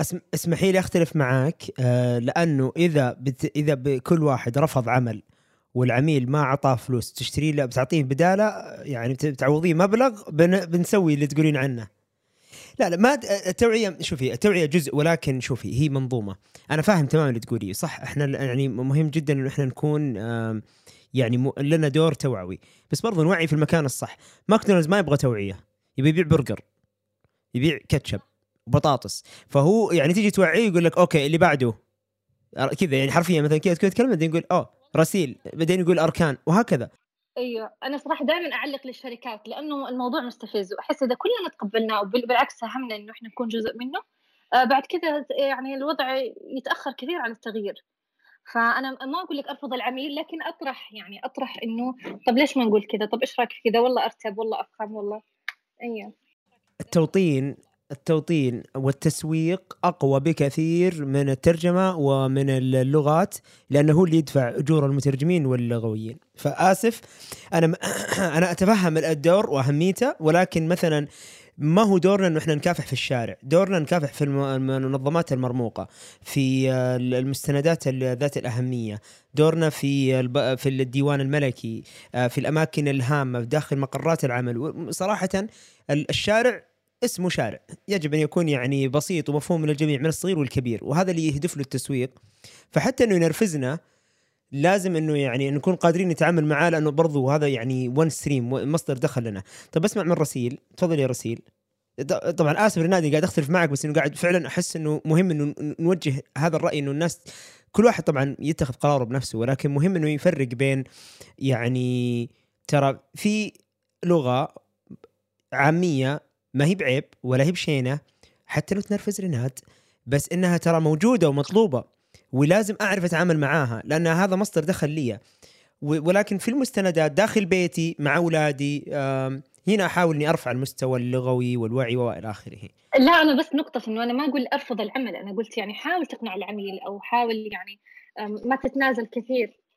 إيه لا ونكون يعني نوعي حتى الشركات إذا أنت على تواصل معاهم ليش ما تقول لهم إنه لا يعني اللغة ال- ال- المحلية مهما كانت شائعة تراها محدودة. يعني مثلا لما أروح ماكدونالدز أنا طيب يا أخي أنا من من الرياض. ما فهمت كلمة.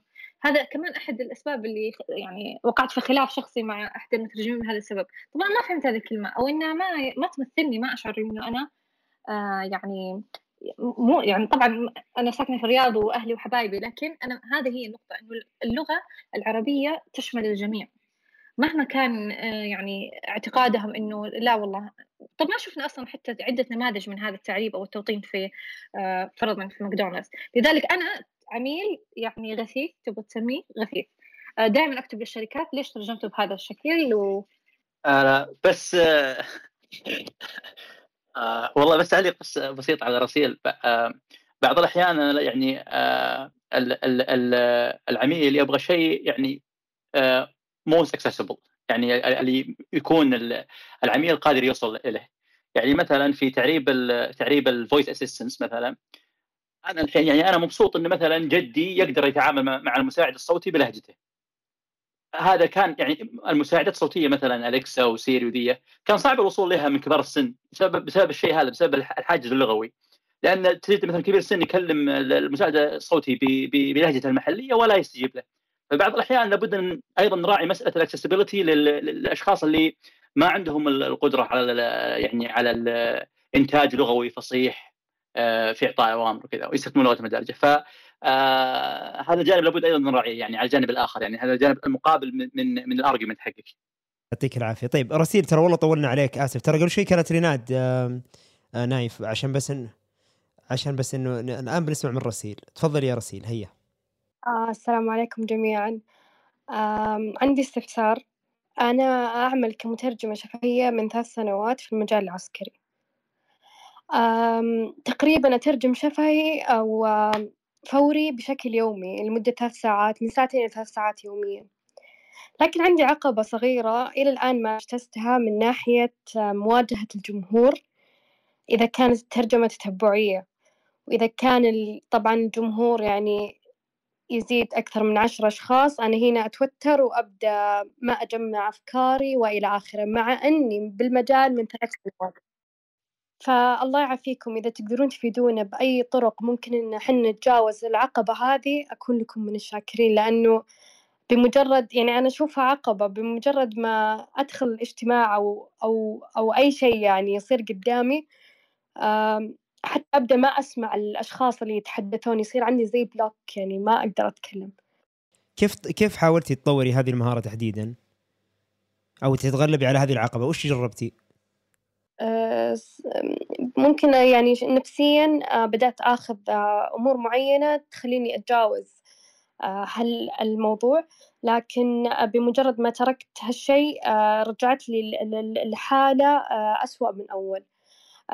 كمثال إذا كان عندي الاجتماع من شخصين إلى ثلاث أشخاص يصير ال meeting صغير ما عندي أي مشكلة بس بمجرد ما تزيد يزيد عدد الأشخاص أنا هنا أصير في حالة ارتباك وما أقدر أأدي زي ما أنا أبغى.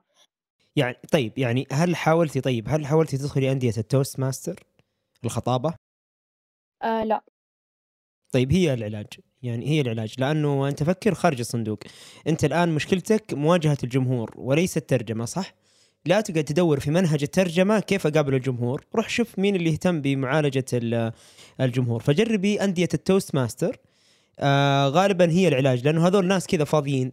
يعني يخلون حتى شو اسمه اللي يتأتئ يخلونه ينفرد لسانه. واللي آه، شو اسمه واللي كان تجيهم مرة كذا طلع فوق المسرح آه، شو اسمه آه، نفس الشيء يعالجونه. ما أدري أحسهم كذا طب شعبي. فعموما ال Toastmasters هم فكرتهم إنه كيف تستطيع إنك تتكلم بأريحية أمام الجميع وتتكلم وتنوع في نغمة الصوت وكل شيء. فأنا شخصيا أشوف ال Toastmasters هذا أساسي لأي مترجم يبغى يكون مترجم شفوي. أو إنه آه، يعني باختصار الخطابة. يعني مو بالخطابة الخطابة. ف يعني توجه لموضوع الخطابة بشكل عام ودروسها وإلى آخره وممكن يعني آه، يعني يكون هناك ال- ال- العلاج. لأنه مشكلتك زي ما أنت قلتي مقابلة الجمهور. يعني أنت إذا ما في جمهور أو إذا العدد محدود والله ما شاء الله فلتة في الترجمة. إذا قابلت الجمهور جاتكم الركب. طيب معناته علاجك عند حقين الجمهور. فجربي ال Toastmasters أو أي نوادي خطابة بشكل عام وهم اللي يكون عندهم ال techniques والأساليب هذه كلها. وفي أتوقع أندية خطابة في كل مكان. أنت في أي مدينة؟ الرياض أعتقد صح؟ إي في الرياض عاد في كل شيء. في آه، Toastmasters وفي ميدل بيست كلها موجودة اللي تامرين فيه. طيب نبغى نسمع من أركان طولنا عليه.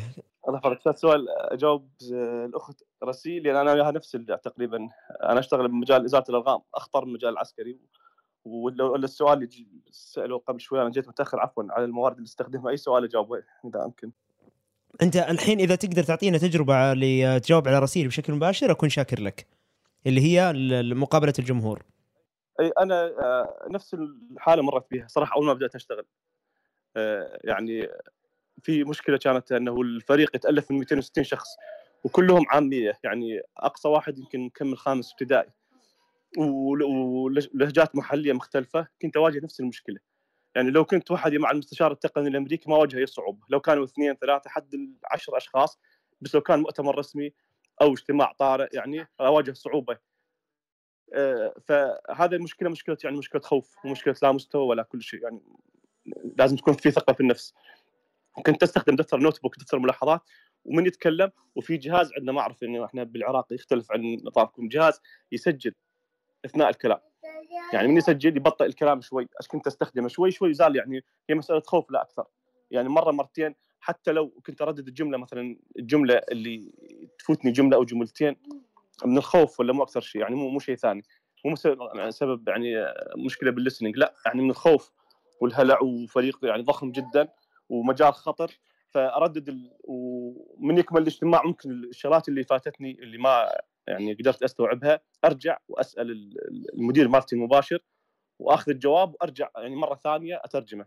هاي الطريقة اللي استخدمتها والحمد لله تغلبت على هاي المشكلة. في طريقة ثانية برضو. ممتاز. لا لا بالعكس أنا فاهم عليك آه فاهم عليك. آه يعني العلاج في الخطابة وفي ممكن تتغير الاستراتيجيه كاملة. يعني بأحيان واحد يكون عنده مشكلة شخصية يقوم يسوي يكسبها مبادرة و وي آه، يعني يغير المنظومة كاملة.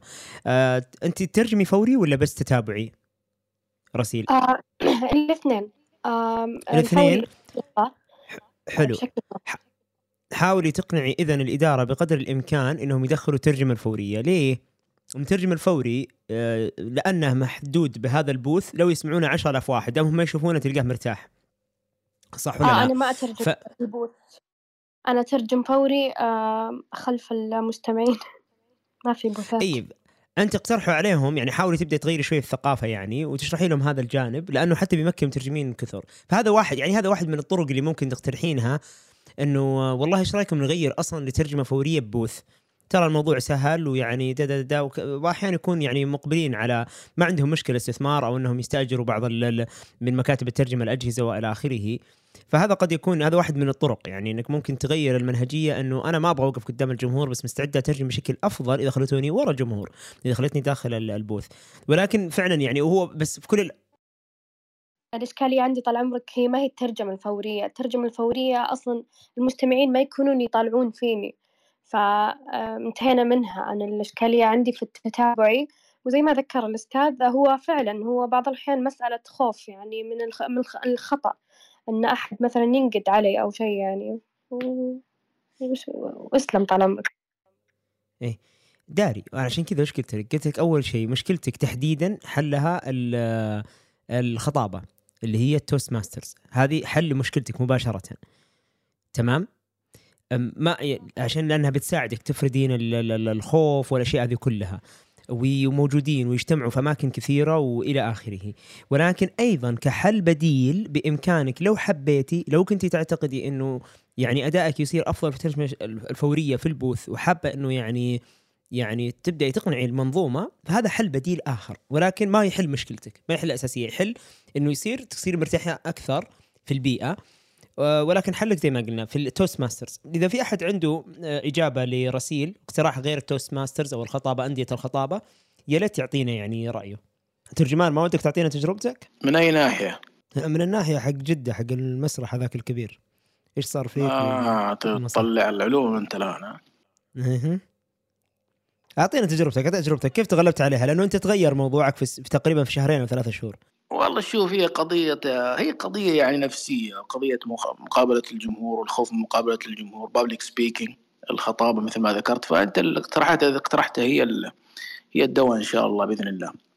فعادي يا أخي خليهم خليهم يقولوا إنك أنت غلطت ولا ويش يعني؟ إيش يعني انتهت الدنيا ولا قامت الساعة؟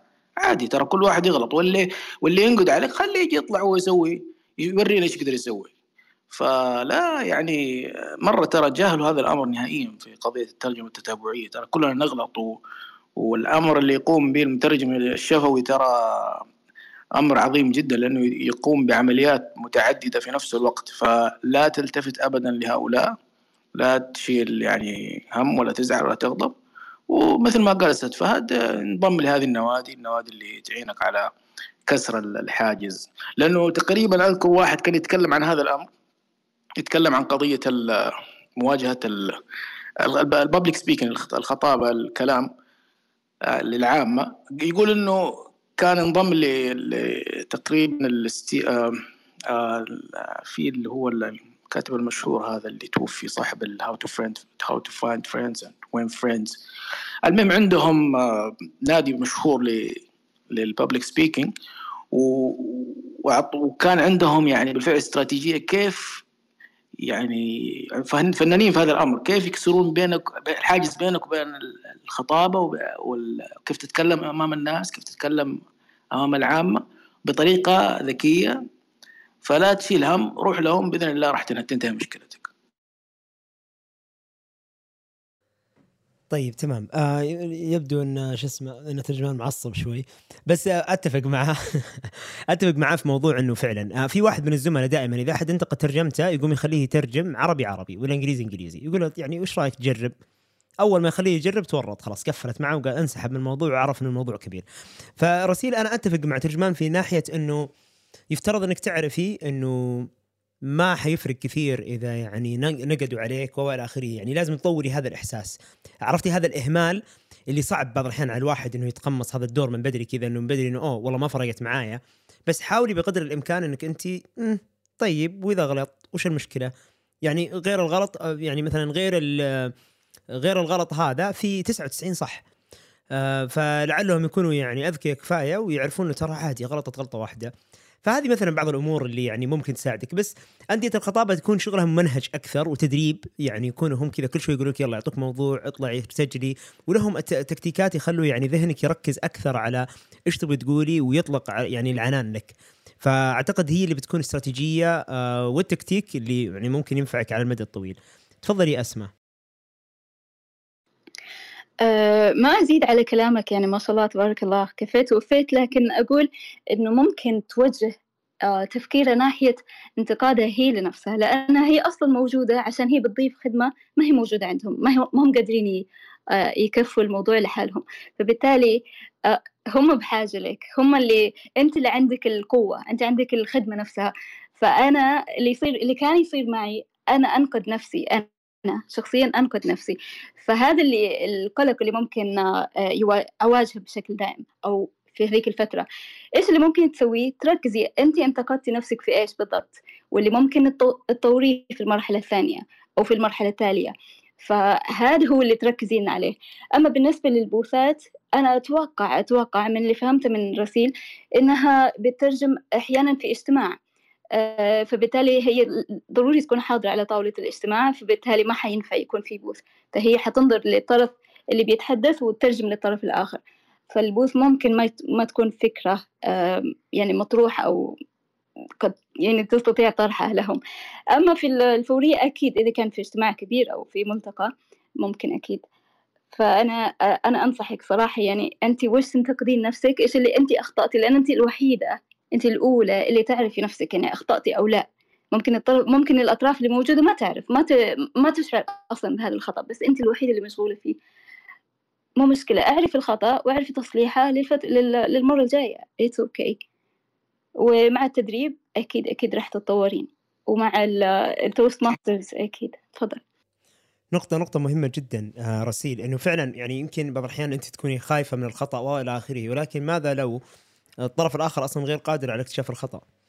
ف... فتبدأ أنت تفكري إنه نعم هم محتاجيني وإلى آخره. فلذلك يعني آه آه يعني إنه هذه واحدة من الطرق اللي تسهلي على نفسك إنه هم في حاجتي وهم أصلا يعني ما حيكون همهم الخطأ. هم يبغوا 99% الصح ما حيفرق معاهم الغلط وإلى آخره. في هذا الاسلوب آه بشرى تقول لنا إنه وفرت رابط اسمه translation training في التليجرام.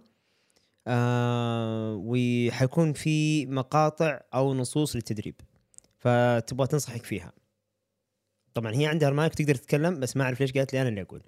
يمكن صوتي أفضل لما أجي أقول الإعلانات. طيب آه سؤال أخير يا بشرى. أحس طولنا وصلنا تقريبا ساعتين. أعتقد إنه عندها مشكلة في الاتصال. طيب المساحة لكم. في أحد حاب يسأل سؤال أو آه، يعطي نصيحة؟ اليوم كله يتكلم عن عتاد المترجم ويعني اليوم مركزين أكثر على ال- العتاد. إيش عندك تعطينا؟ آه، من من عندك من نصائح أو أو أساليب أو مواقع أو أي شيء ممكن يستفيد منه؟ طيب آه كثير سؤال آه هذا السؤال يتكرر عندنا في حساب اسأل مترجم اللي هي هل توجد تطبيقات آه، حديثة للسترجة أو مواقع تفريغ ممتازة؟ التفريغ للغة الإنجليزية في مواقع ما يحضرني صراحة منها اللي حد يحضر ممكن يذكرنا فيها. بالنسبة للغه العربية سيبقى يعني يعني محدود الموضوع في رأيي إلى الآن. آه برامج السترجه البرامج السترجه بغض النظر وش هي البرامج ترى كلها تقوم على نفس الآلية. إنك تشغل المقطع وتترجم ب- بالثواني والتوقيت يعني هي أهمها بس لا أكثر ولا أقل. بس أكبر مشكلة إنه في ناس تبغى تسترج وتبيع منتج لعميل بشكل احترافي بس تبغى تسويه بالجوال. آه هذه مشكلة على الأقل في وجهة نظري أنا الشخصية. ف, ف وإذا امتلكت أي كمبيوتر خلاص صارت عندك أدوات السترجه كلها متاحة وأغلبها مجانيا. يعني مثلا الأبسط واحد الايجي سب لو نفكر فيه تراه بسيط وتافه وما هو معقد آه وبسيطه واجهته ولكن إلى اليوم ما في أي شركة ثانية فكرت إنها تطلع منافس له لأنه كافي ومجاني. آه ف Aegisub هو أفضلها. بس إنك لا تعتقد ابدا إنك ممكن تنجح ويعني في في تق- مثلا في مشروع يعني professional ومتطلبات ويبغى له تنسيق ويبغى له يبغى له وتكون شغال بالجوال. يمكن هذه وجهة نظري بس ودي أسمع من إذا في وجهات نظر أخرى. إذا أحد عنده برنامج جديد أو شيء. ها يا بشرى تفضلي. آه في البعض وده إنه يسترج آه، مقاطع بس إنها على التيك توك يعني على ال social media فيستخدم الجوال. هذه ممكن لكن إحنا نقصد المشاريع الكبيرة هي اللي ما تنفع لها الجوال. لا لا كلها كلها. تبي شغل نظيف؟ يعني أنا شخصيا وجهة نظري إنه يعني تبغى شغل نظيف آه، جهاز كمبيوتر لأنه تصير عندك الحرية في الحركة والنظر وإلى آخره وبعدين لما تمنتج المقطع وتخرجه ال deliverable تحط المقاسات تبغى جوال social media 1 by 1 6 by 19 وإلى آخره. هذه كلها مو يعني الجوال يسويها. ولكن ال ال ما راح تقدر يعني مثلا حتى وزنية ال آه، الكلمات عدد الكلمات ظهورها للمشاهد ما تقدر توزنها بالجوال. غير الأخطاء الإملائية اللي بتظهر عندك بسبب يعني الشاشة صغيرة وإلى آخره. فأنا شخصيا يعني ضد الجوال تماما في أي عمل آه، احترافي. أنا واجب ما ما أتحمل أسلم بجوال أروح أسلم آه، مشروع بجوال no فأنا هذه وجهة نظري يعني. بس ودي أسمع أحد يخالفني. عادي تفضل. تفضل يا أسماء. أنا بس ودي أسأل عن تفريغ ال videos نفسها تفريغ الصوت خاصة من الإنجليزية للعربية. عفوا من الإنجليزية. إذا كان الفيديو باللغة الإنجليزية إيش البرامج اللي تستخدموها للتفريغ؟ هل نفس البرنامج حق السترجة؟ أعتقد برامج سترجه ما يكون فيها تفريغ بس أنا ما أنا ما شخصيا ما أستخدم. أنا فودي أسمع صراحة إذا في أحد عنده تجربة. ترجمان تفضل. ما ما هي هذه النقطة اللي بتكلم فيها بس بعدين إن شاء الله إذا أنتم خل- خلصتوا بس في ملاحظات كذا يسيرة بتكلم عنها. ما هي مشكلة أصبر شوي أجل. آه نايف إذا عندك أي نصائح أي شيء في برامج لتفريغ ال- النصوص الإنجليزية؟ برامج أو أدوات؟ طيب يمكن نايف يتسحر الحين. طيب أي أحد عنده تجربة؟ أنا سم.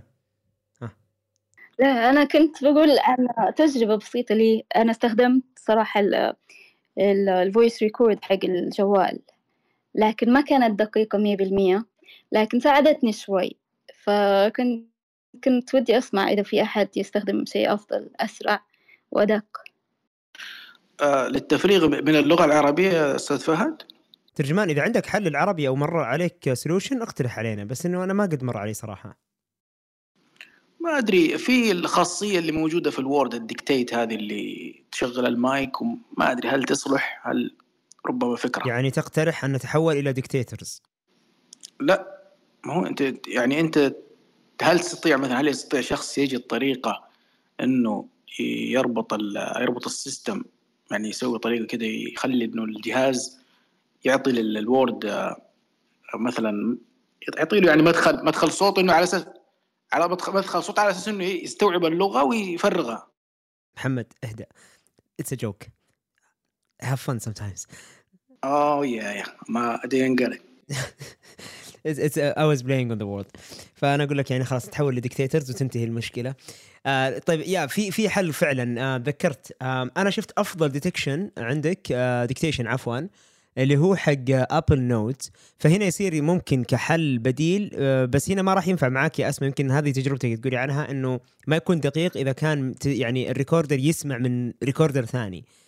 آه، فممكن واحدة من الحلول إنك تسوي shadowing على المقطع أو تقرأه و آه، وراح يصير في dictation بعدين تنظف ال dictation وإلى آخره. بس أنا أشوفها too much أنا شخصيا يعني إذا جيت أستدرج تراني أسمع من المقطع وعلى طول على على ال draft النهائي ما أستخدم وسيط. ما ما ما أحوله اولا إلى إلى نص. بالتالي ما أستخدم machine translation أصلا. فهذه تجربتي أنا. في برامج في برنامج غالي صراحة اشتريته والله ب 800 دولار أو أكثر. كان من Dragon نسيت والله اسمه. هو أشهر برنامج تعرف على الصوت وإلى آخره. بس ما خدمني. آه، إذا كانت المواد مسجلة ما يخدمني.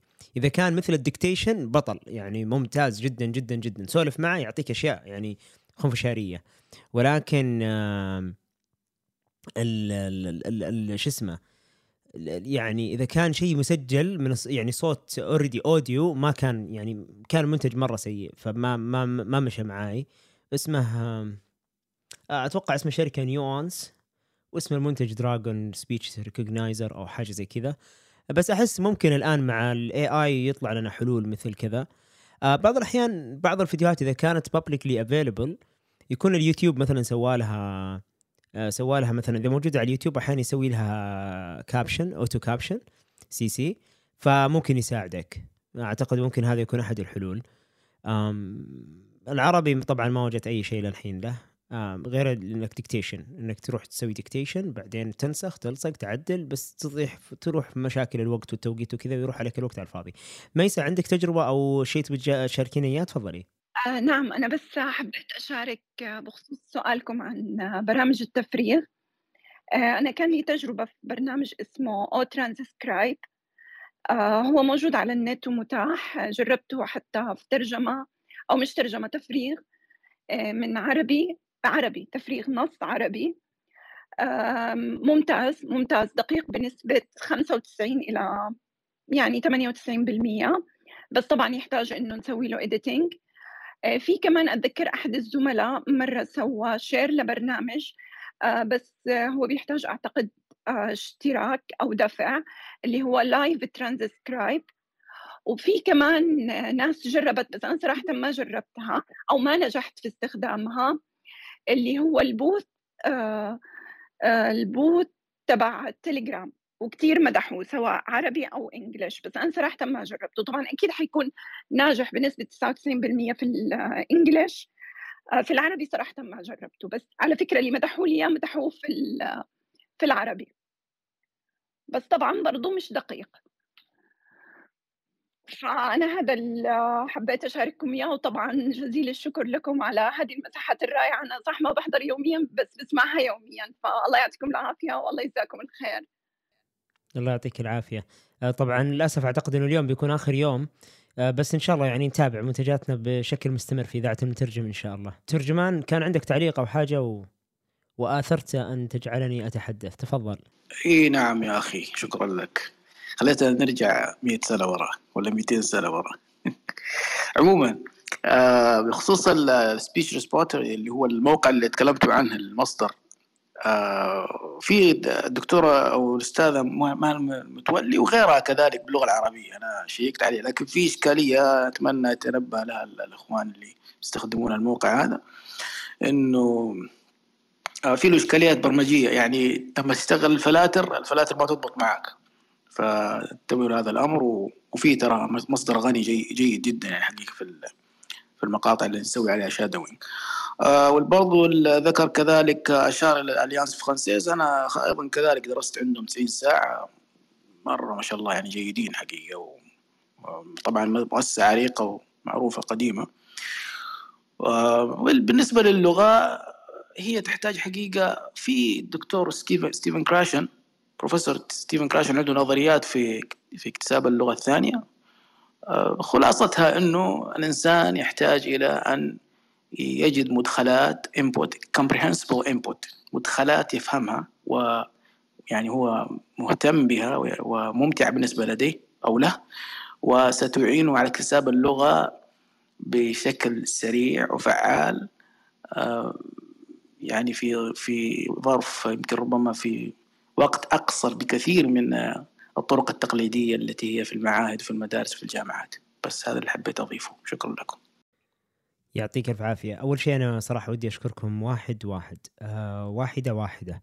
آه كلكم على وجودكم معنا. صار لنا ساعتين تقريبا مستمرين وما شاء الله عليكم مستمرين آه، في في يعني المشاركة والمساهمة والتواجد معنا. فلذلك إن سمحتم لي أنا ودي صراحة أختم بشكل سريع جدا بالتذكير. أول حاجة إنه في عندنا عدد من المشاركات المثبتة في أعلى الشاشة. في عندنا آه، مشاركتين من أيمن آه، في ال- المصادر للتدريب على المترجم للترجمة الشفوية. أيضا عندنا حساب آه، تليجرام لإسأل المترجم اللي وضعوا فيه. جمعوا كل اللي قلناه اليوم وغشوا مننا وحطوه عندهم في التليجرام. فبإمكانك تجد ملخص بروابط مباشرة لما ذكر اليوم. أيضا إذاعة المترجم نزلت آه، من الراعي اللي هي أكاديمية المترجم الافتراضية دورتين لتحسين اللغة العربية خصوصا فيما يخص المحورين الأولى. وعندنا أسامة أيضا شارك معنا مقطع يوتيوب لأحمد الغامدي. أحمد الغامدي طبعا هو مؤسس موقع الرصائف اللي أنصح وبشدة التعامل مع هذا الموقع وتنشيطه والاستفادة من موارده. وإن استطعت أن تدعمه آه، فهو يعني مورد مهم جدا للمترجم. وبلا ريفيرسو بلا كلام فاضي. حيكون هذا أفضل من ريفيرسو في حال إنه إحنا فعلا استخد- استخدمناه وبيكون يعني طبعا أفضل من ريفيرسو في اللغة العربية.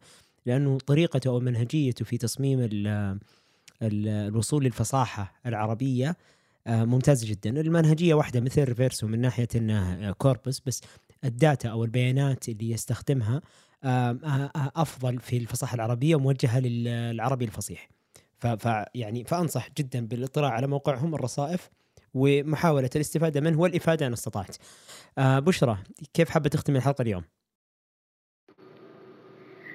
وصلنا لنهاية سلسلة مساحة المترجم الرمضانية بحصيلة قيمة من الخبرات والمعلومات بجلسات وقصص ماتعة من أهم المترجمين في المجال فريق أسأل مترجم ممتن لكم جميعا شكرا لإذاعة المترجم والأستاذ فهد الهدلول على احتضان الفكرة وإدارة هذه المبادرة وإيمانه بنا. شكرا للحضور اللي ما خيبوا أملنا بحضورهم ومشاركاتهم في كل ليلة. حنا مبهورين بخبراتكم ومعجبين بمسيرتكم المهنية. شكرا لكل من ساعد في إعداد هذه الحلقات سواء بشكل مباشر أو غير مباشر. شكرا لفريقي اسأل مترجم وبالأخص آه، لبنى اليامي. آه، ياسمين السادة قيوض الخالدي وعزة الغامدي. طبعا هي ما هي موجودة لكن شكرا لك آه، عزة. يمكن آه، ألهمتونا بشكل بكلمة أو أو بفكرة سواء كانت مباشرة أو غير مباشرة.